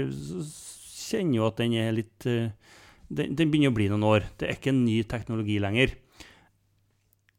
Men om de ikke kommer med ny en i år Det er ikke sånn at vi ikke kommer til å kjøpe ny igjen. Nei, nei. Det, så det, eh, de mister ikke fanbasen sin om de venter et år til. Nei. Det Jeg har um, det, Men en avduking i år, iallfall. Det, det har jeg trua på. Eh, Ja, det, altså, det kan godt hende. Mm. Så, eh, med det unnagjort, så tenker jeg at vi kan jo snakke litt om hva spill vi ser fram til nå i 2024. Så Peter, eh, har, du, har du gjort deg noen tanker? Jeg håper jo det. Jeg har ikke peiling på hva som kommer. Jo. Det, nei, altså, det skal sies at det var, det, det, var, det var nesten vanskeligere i år. Og liksom Å, det, hypen er ikke så stor over spillene som kommer i år. Nei, for det Um, er jo Altså, vi, vi legger jo rekordåret 2023 bak oss, Ja, ikke sant? Ja, vi gjør det. Så det er veldig få spill som er liksom bare Å, holy moly, Caloni, det her, liksom. Å, oh, ja. Det, det, det, ja, eh, men det er noen spill. Mm. Det er, jo, jo, er det absolutt. Uh, Prince of Persia er et spill som jeg er veldig spent på. Ja. Jeg husker veldig godt på de gamle uh, Prince of Persia-spillene så, eh, på PlayStation 2. Eh, blir det vel å ha utrolig mange gode timer med det, og kan godt gjerne tenke meg litt tilbakeblikk til, til det.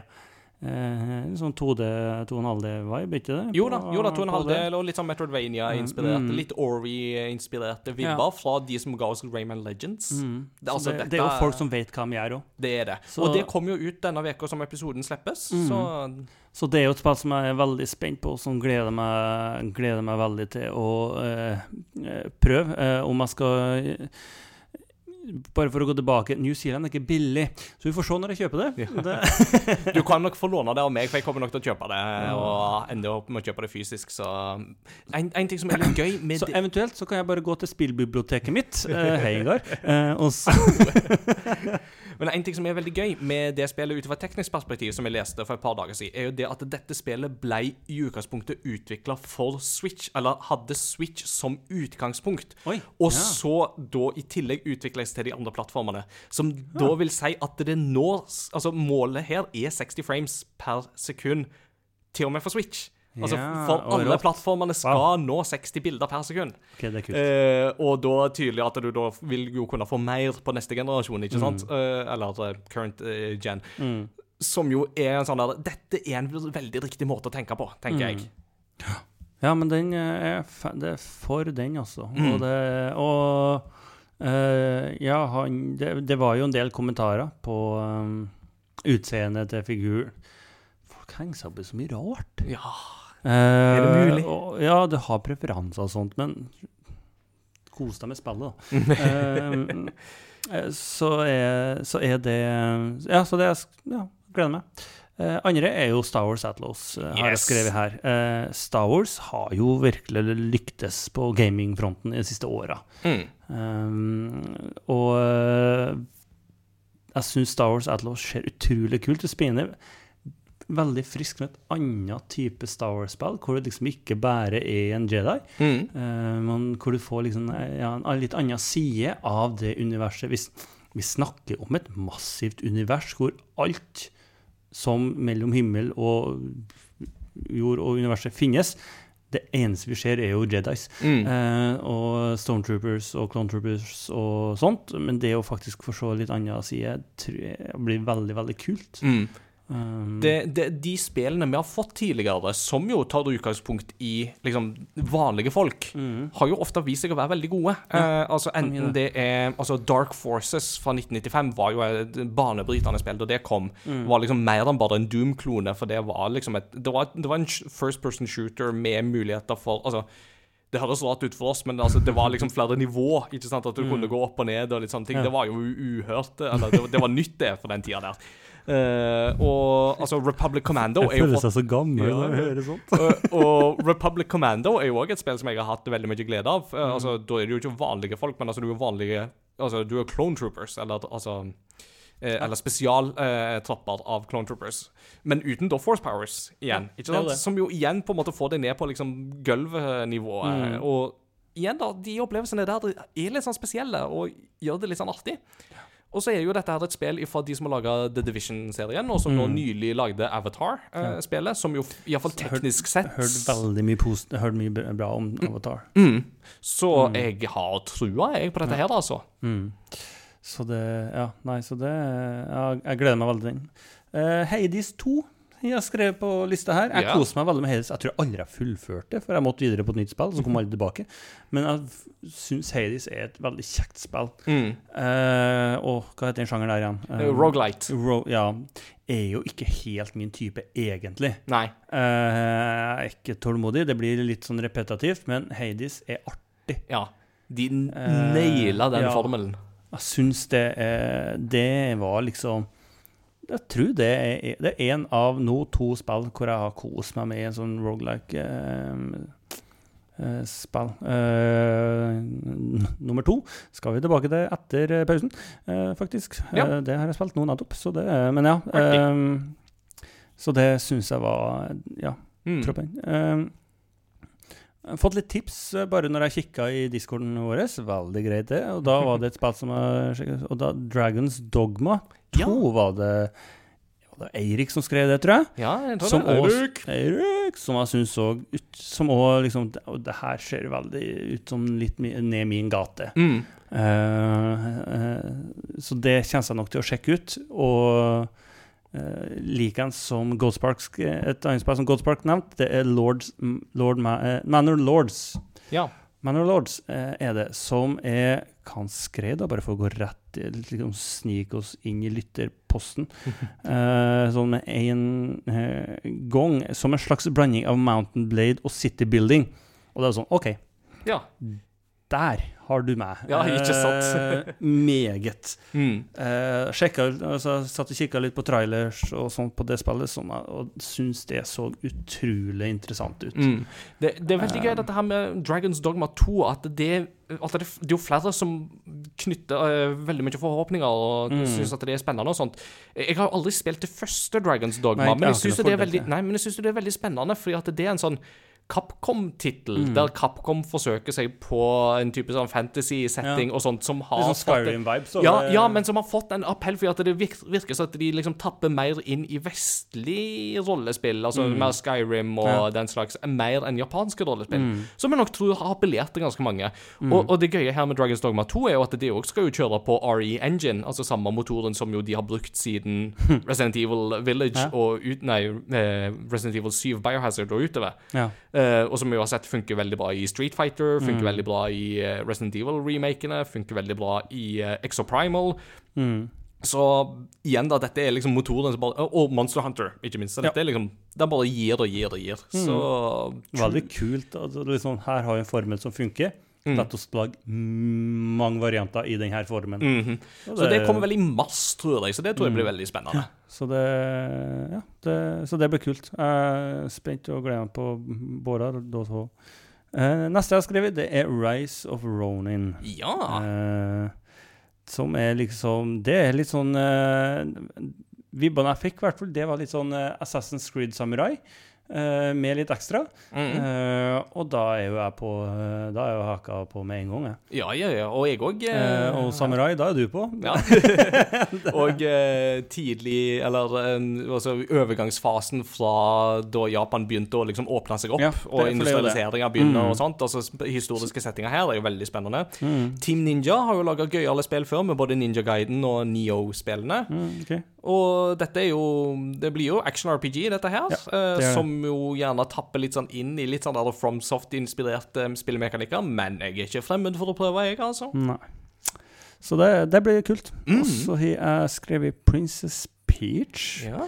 Eh, Det, det er nok et av kanskje mer på honorable mention eh, Mm, fra, fra min side. For det, eh, var, der, der følte jeg det var en sånn uh, superbarnevennlig eh, Luigi's Mansion-vibes over det. Men Luigi's Mansion er jo utrolig god stemning. Så, så hvorfor skal jeg Så da var liksom Ja, da kjennes jeg Det her kjennes jeg jo til å spille en gang. Mm. Um, Ja. Altså, dette er Princess Peach Showtime synes jeg virker veldig artig, bare med disse ulike kostymene du får inntatt, og de ulike typer angrep og sånt du vil Mm. kunne benytte som følge av det. Så og, og, og vi må ikke kimse av at eh, Vi må jo ikke glemme at eh, det er jo mange av både våre lyttere og liksom Switch-eiere der ute som jo er enten er av det yngre segmentet, men som òg har eh, barn sjøl. Mm. Og det er jo alltid godt når eh, man får noen gode alternativ for de. Mm. Men jeg personlig sjøl gleder meg til å mm, slå hendene ned i det og se hva det kan by på. Mm, absolutt. Skal vi se, så har jeg skrevet Hellblade. Ja. Neste Hellblade. ja. Åh. Som jeg tror Som òg syns virker utrolig, utrolig kult.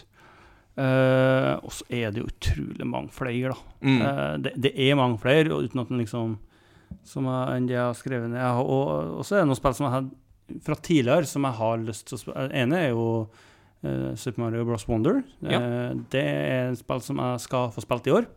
Uh, et annet spill som jeg har sittet og tenkt på i det siste, det er Jeg har fryktelig lyst til å få tatt opp eller spilt Cyberpunk 2077. Ja, riktig. Eh, 2-0. Ja, for Mm. hvis For, hvis, for det har jeg hørt mange har sagt det, og jeg tror på det, og da blir det jo litt som Witcher eh, 3. Nå har de fått en, eh, nå er andre gangen ut, eh, Mm. og da, still, da er det visst ekstremt mye Altså, det er et ekstremt bra spill. Mm. Eh, hvis drømmen min for det her året går i oppfyllelse, at jeg får kjøpt meg en ny skjerm Jeg har bursdag i dag, hvis alt sammen går sammen, så blir det ganske billig. Uh, så uh. Eh, ja, så da, da har jeg lyst til å prøve å ta opp det. Um, for det ser jo så skamlekkert ut at da vil jeg ha en ny skjerm òg. Mm. Ja, den, den, den ser jeg. På, eh, på den. Så det, så det er kanskje et av de større prosjektene for året, for det er jo et massivt spill. Da. Det er det. Um, Det er veldig stort. Mm. Så, men jeg har hørt at eh, karakterene har fått, fått nye eh, Ja, en, de har endra manuset på flere karakterene, som har blitt litt mindre cheesy og mindre bedre. Ja. A-en har vært Eller ja, NPC-ene oppfører seg mer naturlig. Alt har blitt bedre, egentlig. Ja. Og det, det, det gleder meg jo å høre det. Mm. Uh, og jeg håper jo for din del òg at uh, drømmen går i oppfyllelse. Så, Jeg tror at for min del så har nok Cyberpunk-toget har nok kjørt. Ja. Uh, så, så Nederlandslaget så var det ene som mente at det var et av tidenes spill. ja. Så det var liksom opp på Witcher 3. Mm, Og det er jo ganske imponerende. det er det. Jeg skulle bare ønske at spillene ble lansert sånn. eh, at det ikke tok de tre og et halvt år. Så det er ikke rom for tilgivelse her, da. Jo, det- jo, rom er det, men det er ikke tid Nei, det- for tilgivelse. Det er bare det som er problemet, vet du. Det er tida. Så, ja. Så det, ja, det er litt tanker som jeg har. Mm. Mm. Enn du, Ingar, du har jo liste her, ser jeg. Ja, eh, jeg liker jo å starte året med å lage en toppliste som jeg publiserer på Game Reactor, og Mm. det gjorde jeg i år òg. I år så korta jeg det ned til en topp ti-liste. Ja. Um, tidligere år så har jeg jo hatt topp 20, fordi at det var så masse å se fram til. Jeg lurer på om det var Det 2022 var- eller 2023 at jeg hadde det. Begge de årene var truende til det. Ja, ja, ja, så det var forståelig nok. I år så har jeg begrensa det litt mer, med heller mer honorable mentions og litt sånne ting. Ja. Men noen av de har vi jo nevnt før, så skal, Mm. de kommer jeg nok til å bare hoppe litt sånn over. Men det jeg nok gleder meg aller mest til i år, det er et eh, lite indiespill eh, fra Yacht Club Games, de som lagde Shovel Knight. Ja, Et av mine favorittspill fra siste tiåret. Eh, og det er det spillet som heter Mina the Hollower. Som da er et eh, Altså, estetikken har en sånn Gameboy Color-inspirert grafisk stil som ligner veldig på Zelda, Links Awakening eller Oracles-spillene. Eh, med en sånn Castlevania-vibbe, der du da spiller som en liten mus som eh, har på seg en sånn rød trenchcoat, og som bruker pisken til å slåss imot spøkelser og annet utyske. Og Ja. det er bare sånn Alt ved det spillet er så forlokkende for meg og ser så bra ut. Og igjen, jeg er bare spent på hva Yacht Club Games kan få til, for at disse folka her, de er verdensmestere i pikselkunst. Det, er, det, det er de og det norske D-pad. Og det er um, Sabotage, de som lager til Sea of Stars og The Messenger. Det er liksom De tre studioene holder jeg høyest i kurs når det kommer til det med pikselgrafikk. Så dette gleder jeg meg stort til, rett og slett. Eh, nummer to på lista, som jeg har der, det er Unicorn Overlord. Uh, gi Altså, herlighet Vanillaware, de kan ikke lage et spill med titler som folk gjør at Å, det var en gøyal tittel, det vil jeg kjøpe. Altså men, men dette er studioet som har laga De har laga Dragons Crown, de har laga 13 Sentinels, de har laga Muramasa The Demon Blade, Odin Sphere Generelt sett, altså dette er et studio som har en utrolig kul grafisk stil på det de lager. De er ekstremt gode på å lage fortellinger. De lager kanskje spillbransjens beste mat. Altså, all mat de presenterer i spillene sine, ser så lekkert ut. uh, og det som er gøy her, er at i Unicorn Overlord da prøver de seg på en sånn tactical RPG. Så da snakker vi Fire Emblem-lignende type gameplay. Og det er jo Da snakker du mitt språk. Det er jo en sjanger jeg er fryktelig glad i, og dette her er jo noe som jeg absolutt vil plukke opp.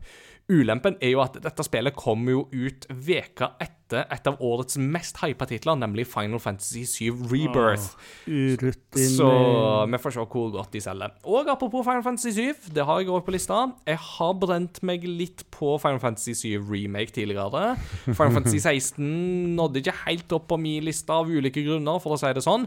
Men jeg har likevel Altså likevel, altså Det er noe med hypen rundt den tittelen her som selv ikke jeg kommer helt upåakta hen ifra. Og d- d- igjen, altså det, det gjør, Blir dette spillet bra, så kan det bli skikkelig bra. Jeg bare håper at det er noen som holder Tetsuya Nomura litt i tømmene, og bare ikke lar han gå altfor bananas med historiefortellinga si. Eh, gi mannen så mange glidelåser han vil, og hold han igjen tilbake når det gjelder historie, så tror jeg at vi er på en fin balanse. Um, så har jeg òg notert meg Replaced, som da er et spill ifra Dette studioet er vel i utgangspunktet har vel i utgangspunktet vært basert i både Ukraina og Belarus, hvis jeg ikke tar helt feil. Som jo har gjort at utviklinga der har jo støtt på noen utfordringer, for å si det mildt. Mm. Men dette er jo et sånn cyberpunk, eh, Blade Runner-ish inspirert spill i, set, altså i setting og stil og sånt, med en utrolig kul pikselgrafikk.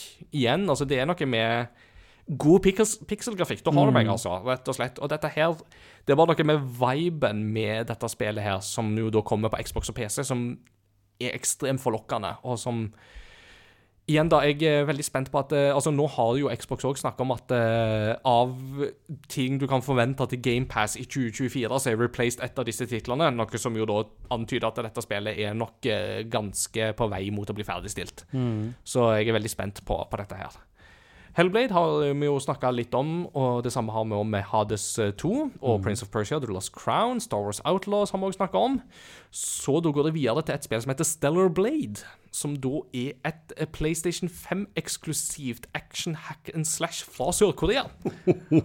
wow! Ja. eh, og altså, altså eh, For å gi folk litt sånn um, cues her Altså Lies of P var Sør-Koreas eh, svar på Bloodborne, eller Souls-like-sjangeren.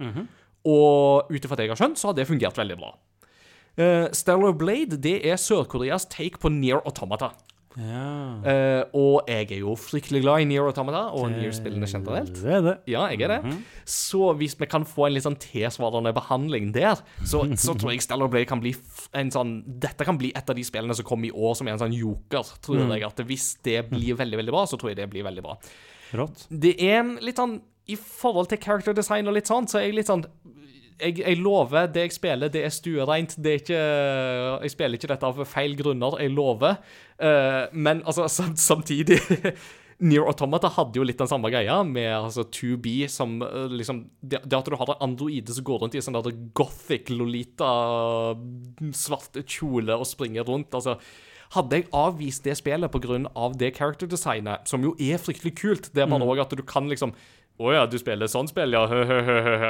Jeg vet hvorfor du spiller sånne ting. Så er det sånn Eh, hadde jeg avvist det spillet pga. det, så hadde jeg jo gått glipp av en av mine mest sjelsettende spillopplevelser fra de siste fem, seks, syv årene.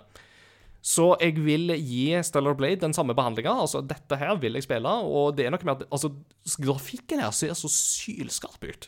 Så her har jeg trua på at dette kan bli en veldig kul opplevelse. Og igjen, da, altså det å se hvordan gode spill eh, gir andre spillutviklere inspirasjon, det er alltid gøy å se. Og så siste som jeg hadde på den topplista, topp ti-lista, det er The Plucky Squire. The Plucky Squire er jo da et uh, lite indie-spill som utgis uh, av um, Devolver Digital. Um, og eh, det som er gøy her, er at dette er jo sånn type sånn eh, Du altså Hovedfiguren er liksom sånn barnebokfigur i eh, 2D og springer rundt i et todimensjonalt landskap, og så plutselig så hopper ut av sidene, og så er spillet i 3D. Ja. Og det syns jeg jo er en veldig gøy mekanikk, for det minner jo f.eks. om eh, The Legend of Zelda A Link Between Worlds, som er et veldig undervurdert og bra Zelda-spill, der du stemmer, skifter mellom 2D og 3D og har litt sånn forskjellige typer ting. Ja. Så The Plucky Squire skal etter planen utgis i 2024, så jeg tror at dette her kan bli en artig opplevelse, hvis vi får se på det. Men så har dere noen sånne honorable mentions, da. Altså Tekken 8 er jo rett rundt hjørnet. Eh, like a Dragon, Infinite Wealth, er jo neste spill i Yakuza-serien, som vi like kommer litt tilbake til. Uh, og som igjen er bare sånn at dette her kan bli en veldig gøyal opplevelse. Rise of the Ronin har du jo nevnt. Jeg av en eller annen merkelig grunn så syns jeg at Warhammer 40 000 Space Marine 2 virker veldig gøy. Og det er sant, ja. Ja, Mm. og det kommer Sjekka nå at de har dato i september, så det blir artig. Ja. Det er liksom bare noe med den der greia med liksom styre en sånn one man army som bare Mm. meier ned horde på horde på horde med orker. Altså, Det er bare noe tilfredsstillende med det. Ja. Altså Warhammer har jeg jo egentlig hatt veldig lyst til å jeg, har- sett de trailerne så mange ganger, og det ser jo bare skamrått ut. Nå er det jo En trailer er en trailer, Mm. men altså, den verden virker veldig kul. Mm, den gjør det. Mm, Vi kommer litt tilbake til dette her i del to. Motorsagsverd, liksom. Ja, Hallo. ikke sant? litt sånn Gears of War og litt sånn, ja. Um, videre, Black Myth Wukong. Det er jo et kinesisk utvikla spill som er utvikla i Unreal 5. Mm. Det var et av de første spillene vi så i Unreal 5, for øvrig. Mm. Eh, med en sånn take på den klassiske Journey to the West-eposet fra Kina. Stemmer. Som òg bare, igjen da, virker veldig interessant. Jeg har mista liksom litt av momentumet, føler jeg. Hadde det kommet ut i tidlig i fjor, så hadde jo det spillet, tror jeg, uh, høsta mye oppmerksomhet. Så, vi får se. Mm.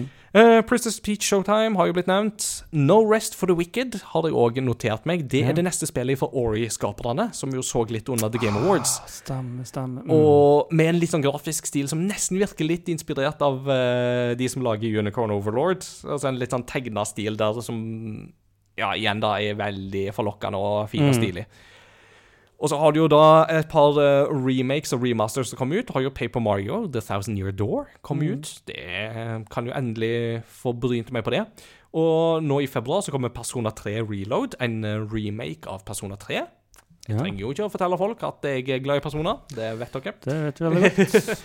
Eh, Metal Slug Tactics, det er jo uh, sånn eh, taktisk rollespill i Metal Slug-universet, Mhm. eh, som jo Mats Jakob er veldig glad i. Eh, og det er bare igjen da kul pikselgrafikk. Eh, her har jo de som var med på å lage Streets of Rage 4 og eh, Turtles Shredders Revenge, er jo involvert her. .emu. Ja. Så det er jo en av grunnene til at jeg gleder meg til det.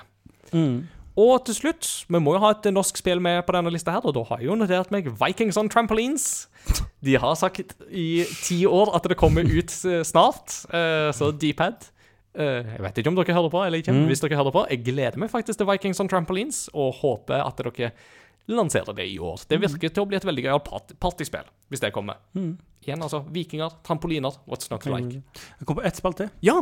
Som jeg skal Det er ikke et nytt Det er ikke 2024-spill, men et spill som jeg har lyst til å få spilt i år. Og det er Det, er jo, det var jo eh, et spill som snakka om før jul, i forbindelse med det å sitte og se på at folk spiller spill. Mm. Uh, og så var det jo Godspark som foreslo at jeg kunne streame det spillet, og det er jo til Titanfall 2.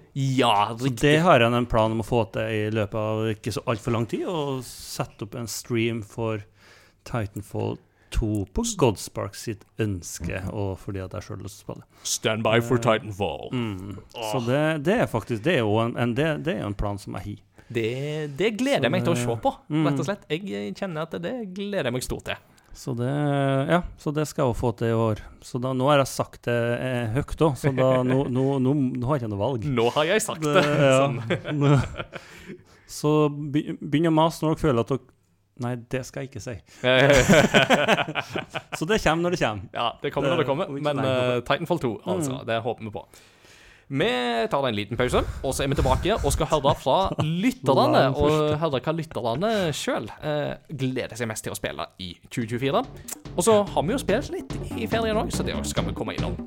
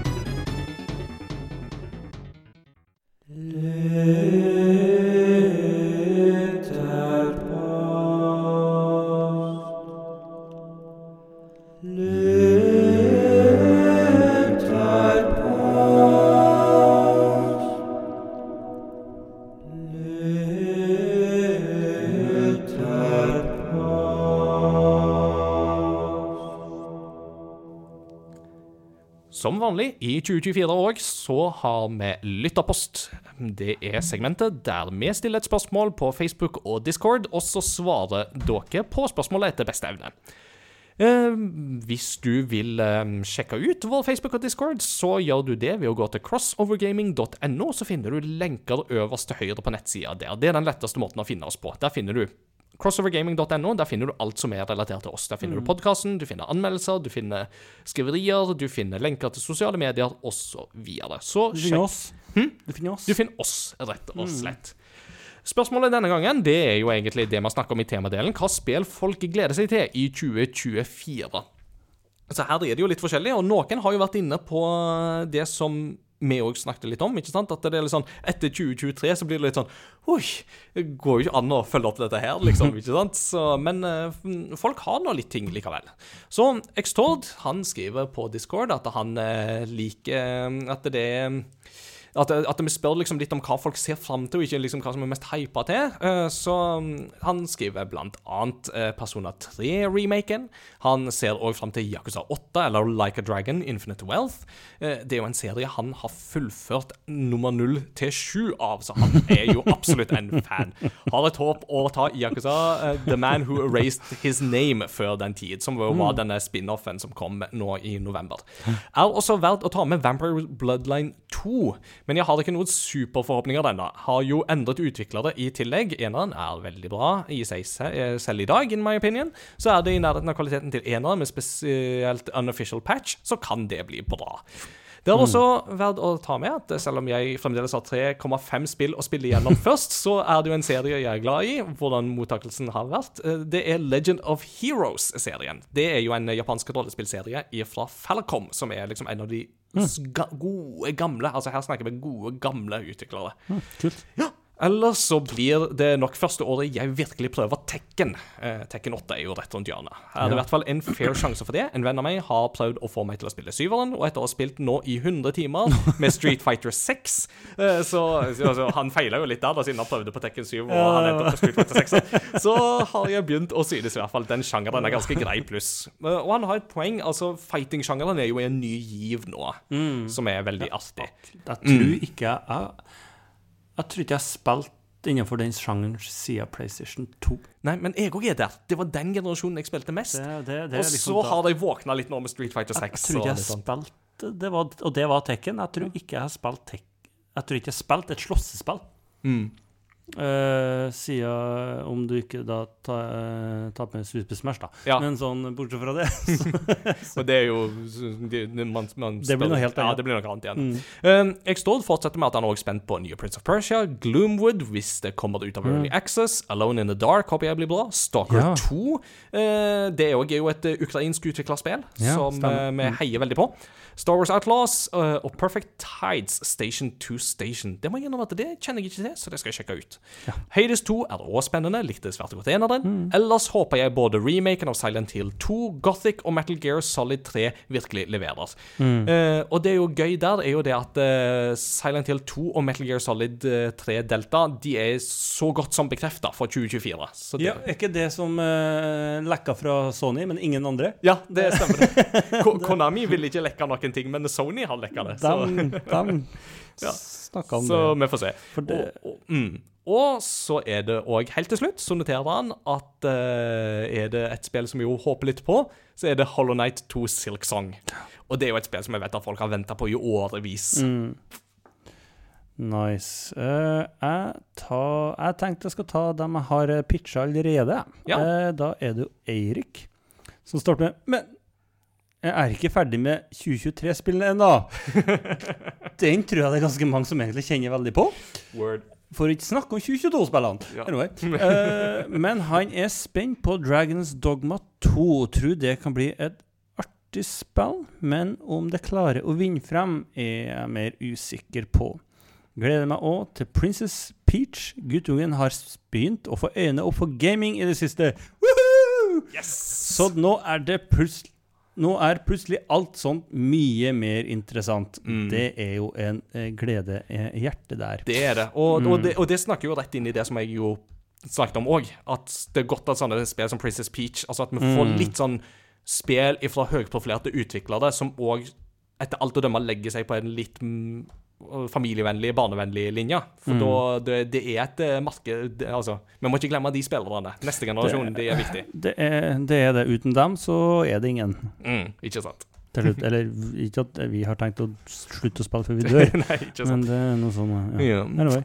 Uh, jeg kan ta um, Adrian, eller Scorpus eh, sin. Uh, mye spennende å glede seg til, men de spillene jeg gleder meg mest til, er Princess Peach Showtime, Tekken 8, Another Code Recollection og forhåpentligvis Mina the Hollower. Mm. Another Code Recollection de kommer jo ut nå neste uke, så det eh, Altså denne vekka. ja, ja, som uh, episoden slippes. Helt riktig. Så, og, og det er jo veldig greit, for det er jo to gamle um, sånne mystery-spill som samles i ett. Mm. Så det blir spennende. Kult. Uh, Godspark. uh, han skriver Seablip til Jardar Sully, fremtidig gjest. Vir spørsmålstegn, virker lovende. Eh, I tillegg til at det er gøy med norske enmannsprosjekt. Ja, jeg sjekka ut Mm. dette her Seablip bare for å se på det, og det så artig ut. Det var litt sånn Stardew Valley møter Sea of Thieves. Ja, kult. Ja. Jardar Solli. Mm. Jeg tror jeg tenkte at det var et engelsk navn, så Jardar. Jar Jar. Jeg tenkte først Jar Jar. Det var det, det, var det som var problemet. Beklager, Jardar. Beklager, Jardar. Det- Vi må ikke fornærme eventuelle framtidige gjester, så Jardar, beklager. Det er helt greit, du kan komme på besøk og kjefte meg. uh, og så kan vi snakke om spillet samtidig. Uh, ellers er det særlig tre Early Access-spill jeg er spent på. Da, uh, første er Menace. Tactical sci-fi fra skapene bak mitt kjære Battle Brothers. Mhm. Neste er Manor Lords, som er en slags blanding av Mountain Blade og City Building, og det var jo der du hadde meg. Mhm. Det som høres ut som en utrolig episk kombo. Og så er det jo da Hades 2, oppfølgeren til Hades. Ja. Og så er det. Super Mario som eh, teabagger på slutten der. Ja, eller e- eventuelt danse, alt dette sånn. så, og, det som er fint med Hades 2, er jo det at det vil komme på de fleste plattformer, Mm. inkludert eh, håndholdte PC-er. Så det vil si at Ja. Hades på Bades, det blir en veldig enkel eh, greie Mm. her nå. Two Hades, Og- two Badies, som eh, Mm. Sigrun skriver. Og her, her må jeg bare si at her det er utrolig mange interessante eh, tanker folk har her. Så Mm. gå inn og sjekk lytteposten, altså, for det er Ja. Her har, her har du mye inspirasjon. Ja, Det- mye, mye mer enn det vi har lest opp akkurat nå. Mm.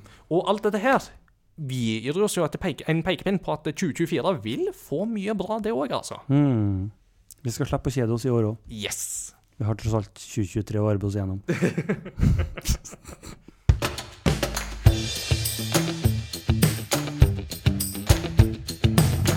What you been playing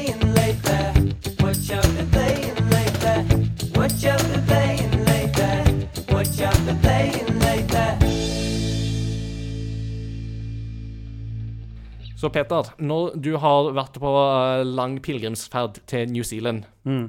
har det blitt noe spilling siden vi Game of the Year? Det er lite, altså. Eh, Jeg har ikke fått spilt så mye, men det har fått bitte Vi hadde jo Game of the Year-episoden, og så hadde vi siste arbeidsdag, og så reiste jeg. Mm. Eh, det var jo det. Og så Men jeg har, jeg har ikke fått spilt noe mye forskjellig, men jeg har spilt to spill Ja. eh, siden jeg kom tilbake. ene, jeg hadde en god session med Benjo en dag her, Benjo!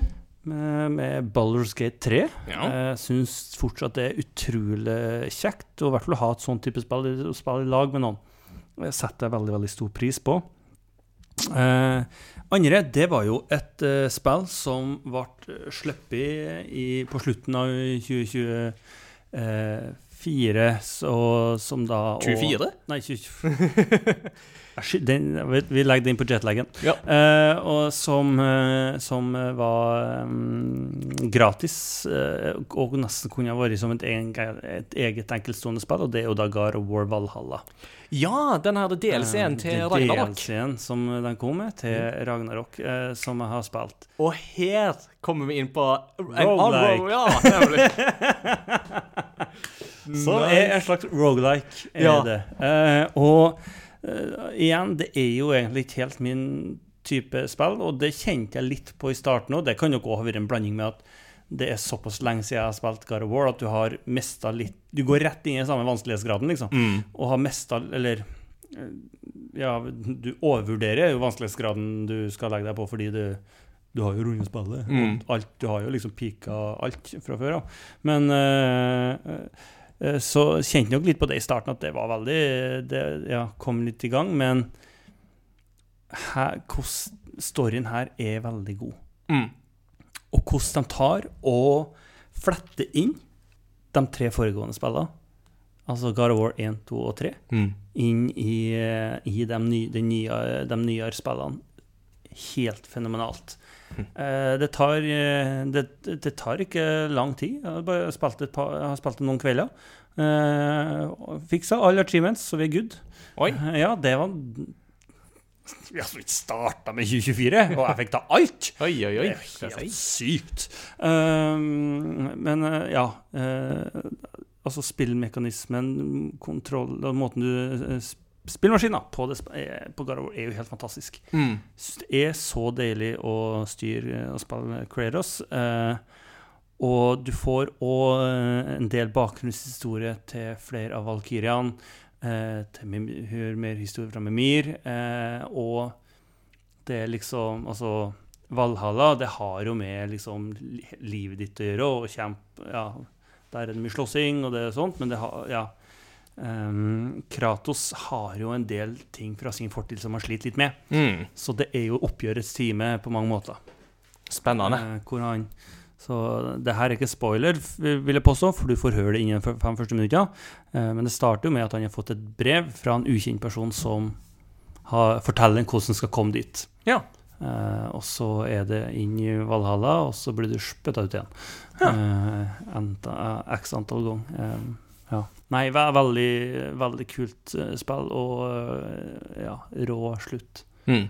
Så det mm, kan anbefales eh, til tross Selv om du ikke liker rogelikes, så, så kan du like det her. Ja.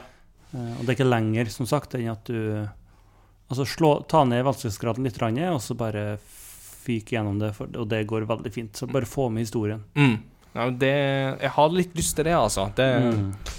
Mm, Det var det du hadde? Og det er det jeg har. Jeg har ikke rukket å spille så mye mer. Snakka med Andreas om å spille LOL, Ja. så det er planen. ja, nei, men det er bra. Eh, For helga eller noe sånt. Ja, Ja. Nei, men det er bra. Mm. Jeg har jo ikke reist til New Zealand. Nei, det er helt korrekt. Jeg eh, reiste til svigers, eh, så Nesten det samme. nesten det samme. Da fikk jeg muligheten til å spille litt gjennom et spill, men det kan jeg ikke snakke om ennå. Det skal jeg snakke om neste gang. Så Eh, det jeg har derimot gjort litt etter at vi bikka 2024, det er at jeg har eh, fått min første platinum for året. Jeg har eh, fullført Marvels Spiderman 2. Nice. For jeg fant ut at mens vi skulle vente på at klokka ble tolv på nyttårsaften, så var det sånn Å, men da passer det jo godt å bare liksom fyke rundt i New York og liksom putle opp masse masse småting. Altså samle små spiderbots og ta liksom småting her og der. Og liksom. så, så da kom jeg inn i den driven igjen, og så ble jeg ferdig med Går det, det går ganske fort når du først satte i gang. Ja da, så det gikk, det. Veldig, veldig kjekt å være tilbake igjen Hva der. syns du om eh, storyen til Sandman? Eh, jeg liker den, altså. Veldig Jeg syns den de, synes de, de, de får får til noen av disse her, altså. Og ikke begynn å snakke om Howard. Da er det bare å oh, ah, okay. Så åh, Nei, det, det er vondt, nesten. Det, det, men på en god måte. på en utrolig fin måte. Veldig fin måte. Friendly neighborhood guide-ting. Ja, ja, ja, og det er liksom det som er med disse, disse sideoppdragene her. Det er akkurat det. Det er The Friendly Neighborhood Spider-Man. Ja. Det er, og det er nettopp der jeg føler at Sp Marvel Spider-Man 2 utmerker seg når det kommer til sideoppdragene, eh, og som hever det spillet så veldig. Så igjen, altså, det er noen av de oppdragene der bare er helt nydelige, rett og slett. Og så har jeg plukka opp igjen et eh, prosjekt som har ligget litt eh, på is eh, de siste i snart to år nå, faktisk. Men jeg har plukka opp igjen Yakuza-serien.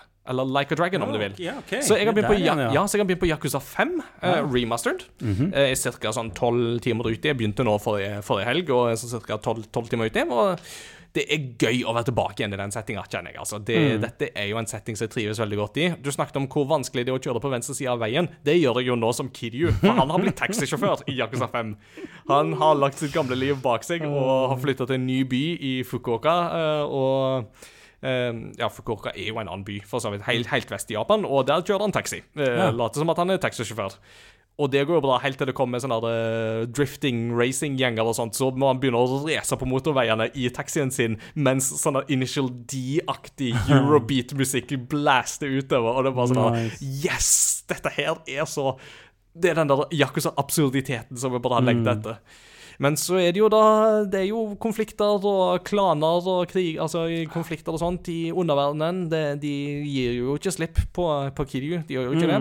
Og så følger dette jo òg historien til noen av de andre personene vi har blitt kjent med i tidligere i serien. Så det er veldig gøy å være tilbake. Samtidig som at jeg kjenner jo òg det at det, jeg, jeg, jeg, skal spille gjennom Yakuza 5, men jeg kjenner at jeg er klar for å komme til neste generasjon av Yakuza-spill igjen. Altså kom, fordi at denne her eh, 3 til 5 de er jo bare remaster-versjoner av PlayStation 3-spillene. Og de remasterne er veldig enkle. Altså, det, er veldig lite som er gjort med de. Så jeg kjenner at jeg er klar for å komme til Yakuza 6, som var et native PlayStation 4-spill, og bare på en måte få litt av de der quality of life improvements og få noen av de der forbedringene der. Men, men storymessig så storkoser jeg meg. Så det er veldig gøy. I, jeg har, og i, I del 1 så nevnte jeg jo at jeg gleder meg jo litt til Warhammer 40 000 Space Marine 2. Så jeg har begynt på Warhammer 40 000 Space Marine fra 2011. Du har det, jo. Ja. Og det er gøy, altså. Ja. Og i likhet med deg, jeg har alltid vært litt nysgjerrig på Warhammer 40 000 eh, law og sånt. Altså, Jeg har skjønt at dette her er mørke, dystre, brutale greier. Mm. det får jeg òg inntrykk av at det er når jeg spiller dette spillet her. Men dette er òg et spill som bare er sånn Ja, du kan hoppe rett inn, mm. og du får det du trenger. Altså, du er Space Marine and Titus. Som, altså, du er en ultramarine, til og med. Og det betyr at du er en kar i en gigantisk rustning med et svært våpen og, som du sa, motorsag, eh, som bare blaster og meier ned orker i vilden sky. Og orkene er det mange av, for å si det sånn, så de kommer jo i horder mot deg, og det er det er sånn veldig gøy, tilfredsstillende spillmode-spilling, dette her, kjenner jeg. Og dette Altså Hvis jeg skal beskrive Warhammer 40 000 Space Marine, så vil jeg si at dette her er en B-film som vet at det er en B-film, og bare elsker det. Oh, yes. Da funker det så bra. Det, for å si det sånn, dette er et dobbel A-spill som vet at det er dobbel A, og bare elsker å være det. Så dette er liksom dobbel A på alle de riktige måtene, rett og slett. Så det er bare pur maktfantasi. Rein tanketom moro, rett og slett. Og det er. Og så har det så bra musikk! Det er kjempebra nice. musikk, altså. altså og det, det kommer vi òg litt tilbake til. Mm. Så det var det, Så langt er det en positiv overraskelse. Du merker jo det at det er en litt sånn lavbudsjettsproduksjon på enkelte steder. At det har liksom ikke alle de tingene Bells and Whistles fra 2011, men jeg koser meg. Mm. så dette har i alle fall gjort meg mer hypa på Space Marine 2, som jo er mer shiny og mer eh, liksom Ja. Opp til dagens standard, som jo gjør at det, dette, dette her er sånn type spill som jeg kjenner at dette trenger vi mer av, rett og slett. Og så har jeg helt til slutt så vil jeg nevne at jeg har spilt Bomb Rush Cyberfunk, som jo er et spill som eh, Anders eh, Anders Lønning eh, snakket litt om da han var på besøk Ja, sist. Som jo er den, eh, basically en åndelig oppfølger til Jet Set Radio, som er en sånn klassisk Sega-serie som blander litt sånn nær framtid, litt cyberpunk og masse skating og sånn urbant miljø med masse sånn kul, hipp musikk og sånne ting som det. Jeg merker veldig at dette her er et spill som eh, definitivt vil på en måte Altså, det caterer til dette publikummet. Altså, det, det, det prøver å nå til absolutt det publikum. Men jeg er ikke i det publikummet, for jeg har aldri spilt Jetset Radio-spillene. Så jeg har jo plukka opp dette her som en litt sånn der nysgjerrighet på på en måte hele konseptet og sånt, og vært litt sånn jeg har alltid hørt om den serien og vet at det er en sånn serie som mange holder som noe av det beste de noen gang har spilt, men jeg har aldri vært der sjøl. Så hvordan er dette her for meg? Og jeg må innrømme at jeg ser en del Jeg kan skjønne hvorfor folk liker dette, men det er ikke helt min jam. Det er det dessverre ikke. Ehm, musikken, for eksempel. La oss ta det, da, for eksempel. Altså, musikk er jo kanskje det jeg har på en måte best grunnlag for å vurdere. Og det har noen veldig veldig fete beats her. De har jo blant annet fått med seg han originale komponisten slash DJ-en ifra Jet Set Radio. Ja. Uh, som lager noen veldig tøffe ting. Det, var- vi hørte blant annet det som et postludium i den episoden der Anders var med rett før Game of the Year-episoden. Funky, kule, skikkelig svingende saker. Men øh, samtidig så opplever jeg musikkvaliteten som veldig ujevn. Går veldig opp og ned i bølger og sånt. Så, og det ble jo litt sånn synd. for mm. det var liksom det som var hovedappellen for meg her. Og så kjenner jeg det at det hele det der skate-greiene og litt sånne ting, det er liksom sånn Ja, altså, jeg spilte jo litt Tony Hawk Pro Skater 2 Mm. back in the days. Men det er ikke det som jeg har spilt mest, og det er ikke det som appellerer mest til meg. Og da må jeg bare erkjenne at det, dette er ikke dårlig under noen omstendighet. Det syns jeg ikke, men det er bare ikke for meg. ja, men sånn er det nå. Og sånn er det av og til. Det, jeg snakker jo plenty om ting som ikke er for deg, eh, og du snakker jo av og til om ting som jeg bare kjenner at ja, gøy for deg, ikke for meg. Og sånn er det. Sånn er det, og det er jo det som er kjekt. At vi er forskjellige der òg. Ja, og ikke minst eh, det er da det er gøy når vi får gjester som snakker varmt om disse tingene, f.eks., eller at vi som programledere òg er jo forskjellige i til preferanser og sånt. At mm. vi, vi klarer å utfylle hverandre på en god måte på det. Absolutt.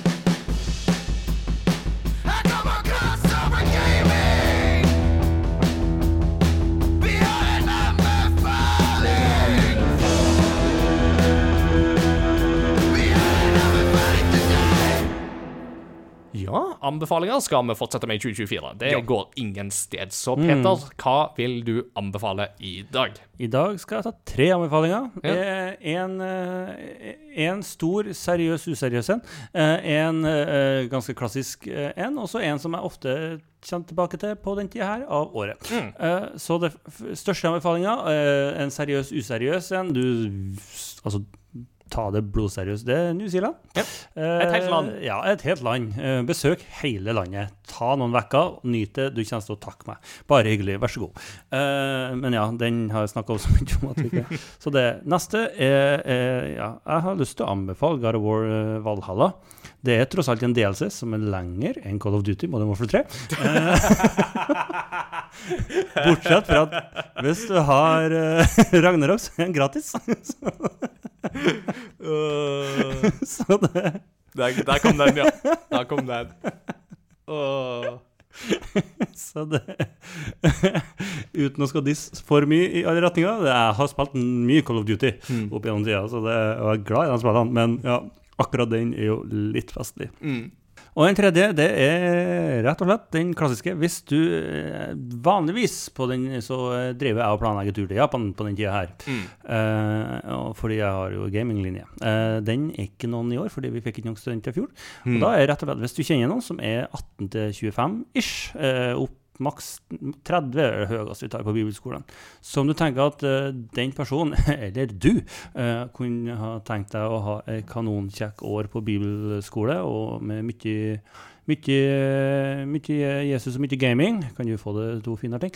Mm. Så ja, søkninga for den er åpen når vi har begynt å få inn noen studenter allerede. Men eh, full klasse er jo kjekkest, da. Det er jo det. Så det, ja. Så ta og tenk litt og smak litt på den, og så øh, ja, send på en melding til den, noen hvis, hvis du tenker at åh, den personen passer bra på gaminglinja. Mm. Mm. Eller hvis du passer bra på en gaminglinje, så søk, da. passer- Ja, ja, få, få det på, liksom. Du kan få en helt år med denne trønderen her. What's not to like? Det, ja. Og den uh, dialektforvirra vestlendingen her, han sitter på et kontor like i nærheten, så ja. Ja, det blir enda bedre kjent med deg òg. Du er jo ofte innom og med, og forhåpentligvis med på turer òg. ja. Så det Ja. Let's så hope, det, let's hope. ja. For dette er en Hebereke pachinko-kontroller til Super Nintendo. It's curiosity. What are you gonna show to me? It's curiosity.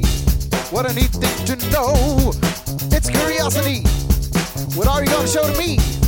I haven't even heard of it. What a neat thing to know. It's a great part of the show. Denne kuriositeten her, den fikk jeg faktisk tilsendt ifra to stykk, sånn omtrentlig samtidig. Det er veldig gøy hvordan Instagram-algoritmer fungerer av og til. Men jeg har jo ei kone som er veldig glad i håndarbeid eh, og sy og den slags type ting. Og så har jeg en eh, kompis som syns det er veldig gøy å sende ham ting til meg, som han tenker at dette er nok sånn som Ingar vil synes er morsomt. Så begge de to sendte meg eh, en eh, Instagram-reel med en kar som fikk en symaskin på døra. Som da Hurra. er styrt av en Gameboy. Okay. Så dette måtte jeg jo sjekke litt ut. Og det viser seg faktisk at Det det, finnes en Gameboy Color-kompatibel symaskin. Eh, det er da Jaguar som i 2000 Jaguar? Ja. Okay, Ok, ja. eh, Bil, altså? Nei, nei, ja, altså et selskap. Selskapet Ja, okay, Jaguar. ja. Altså, de la, altså, du har jo bilselskapet Jaguar, men så har du et annet um, selskap, eh, tech-selskap i Japan, tror jeg, som heter Jaguar. Symaskinselskapet, ja. Ja. Eh, Fun fact. eh, Da, altså, de solgte denne lisensen over til USA, og der ble det en Singer-maskin. Og Singer er jo mer kjent. Yeah. Og faktisk så var dette et av eh, produktene som Singer lanserte for å prøve å unngå å gå konkurs rundt årtusenskiftet, for de sleit visst veldig rundt omkring da. ok. Eh, fordi at det var mange ungdommer som eh, Altså, de unge hadde mista interessen for å sy og håndarbeid og symaskiner Mm. og sånt. Så Singer prøvde på en snuoperasjon, og et av de produktene som da ble lansert i dette her, var da eh, Jaguar New, New Yell. Som da var en symaskin som kunne kobles opp mot Gameboy Color. Og da, eh, ut ifra det, så kunne du velge ulike mønstre uh, som da den uh, sydde. Og dette høres jo ekstremt merkelig ut, men grunnen til at dette her ble gjort, var det at uh, den mikrochipen i Gameboy er jo en Nå må jeg tenke, er det en Motorola Altså, det er en Z80, lurer jeg på om den eventuelt heter. Det er iallfall en ganske billig Altså, den, den mikroprosessoren der var iallfall ganske billig på sin tid. Mye billigere enn det man ellers ofte fikk på markedet. Så eh, dette selskapet, Jaguar, de tenkte da rett og slett at eh, eh, istedenfor at vi skal utvikle en egen mikroprosessor for, som koster mangfoldige 10 000 å få integrert i dette her her. Altså, sånne symaskiner koster jo fortsatt flere 10 000 hvis du skal ha det, eh, de som er skikkelig gode. Så tok de rett og slett en av de som var mest tilgjengelige på markedet, og lagde noe som var kompatibelt med det. Og altså, det funka. Den kom i forskjellige utgaver. Der eh, da blant annet den eh, siste av de som kom, da var det òg med en kassett, som da lot deg sy inn Mario-relaterte mønstre på eh, klærne dine. Nice. Så det var planer om å få til noen Pokémon-relaterte mønstre, men det havarerte, eh, det prosjektet der, dessverre. Ja. Så eh, søk opp uh, Jaguar Nuyell, Yell, eh, N-U-Y-E-L-L, um, eller bare Gameboy Color Sewing, sewing Machine, uh, så Ja. finner du dette her. Altså, dette er så kuriøst så det går an å få det, vil jeg vel nesten si, altså, men det Ja, sånn, sånn kan det gå. Det, det lærte visst ungdommen å si. Eh, det er Visstnok populær i Japan, eller solgte greit i Japan. Solgte ikke like greit i USA. Det, det, det de oppdaga der, var at jo da, den appellerte til unge, men de sleit litt med å få med de voksne på dette her. Americans. Ja, Americans, rett og slett. De hadde til og med egne sånne sykurs som så du kunne gå dra på sommerleir basically og lære deg å Lære deg å sy med Gameboy! Nice. Så gøy. Med det så er vi ved veis ende ved dagens episode, og da skal vi ha en uh, etterpåstudium, som vi alltid har. Og jeg nevnte jo det at Warhammer 40 000 Space Marine-musikken var bra. Så vi skal dit. Vi skal til Valkyrie Run, som da er, er fra et segment der du flyr med masse sånne der gunships, oh, og så kommer det Oscar mot deg, og så må du bare skyte. Dang, dang, dang, dang, Mm. Veldig, veldig gøy.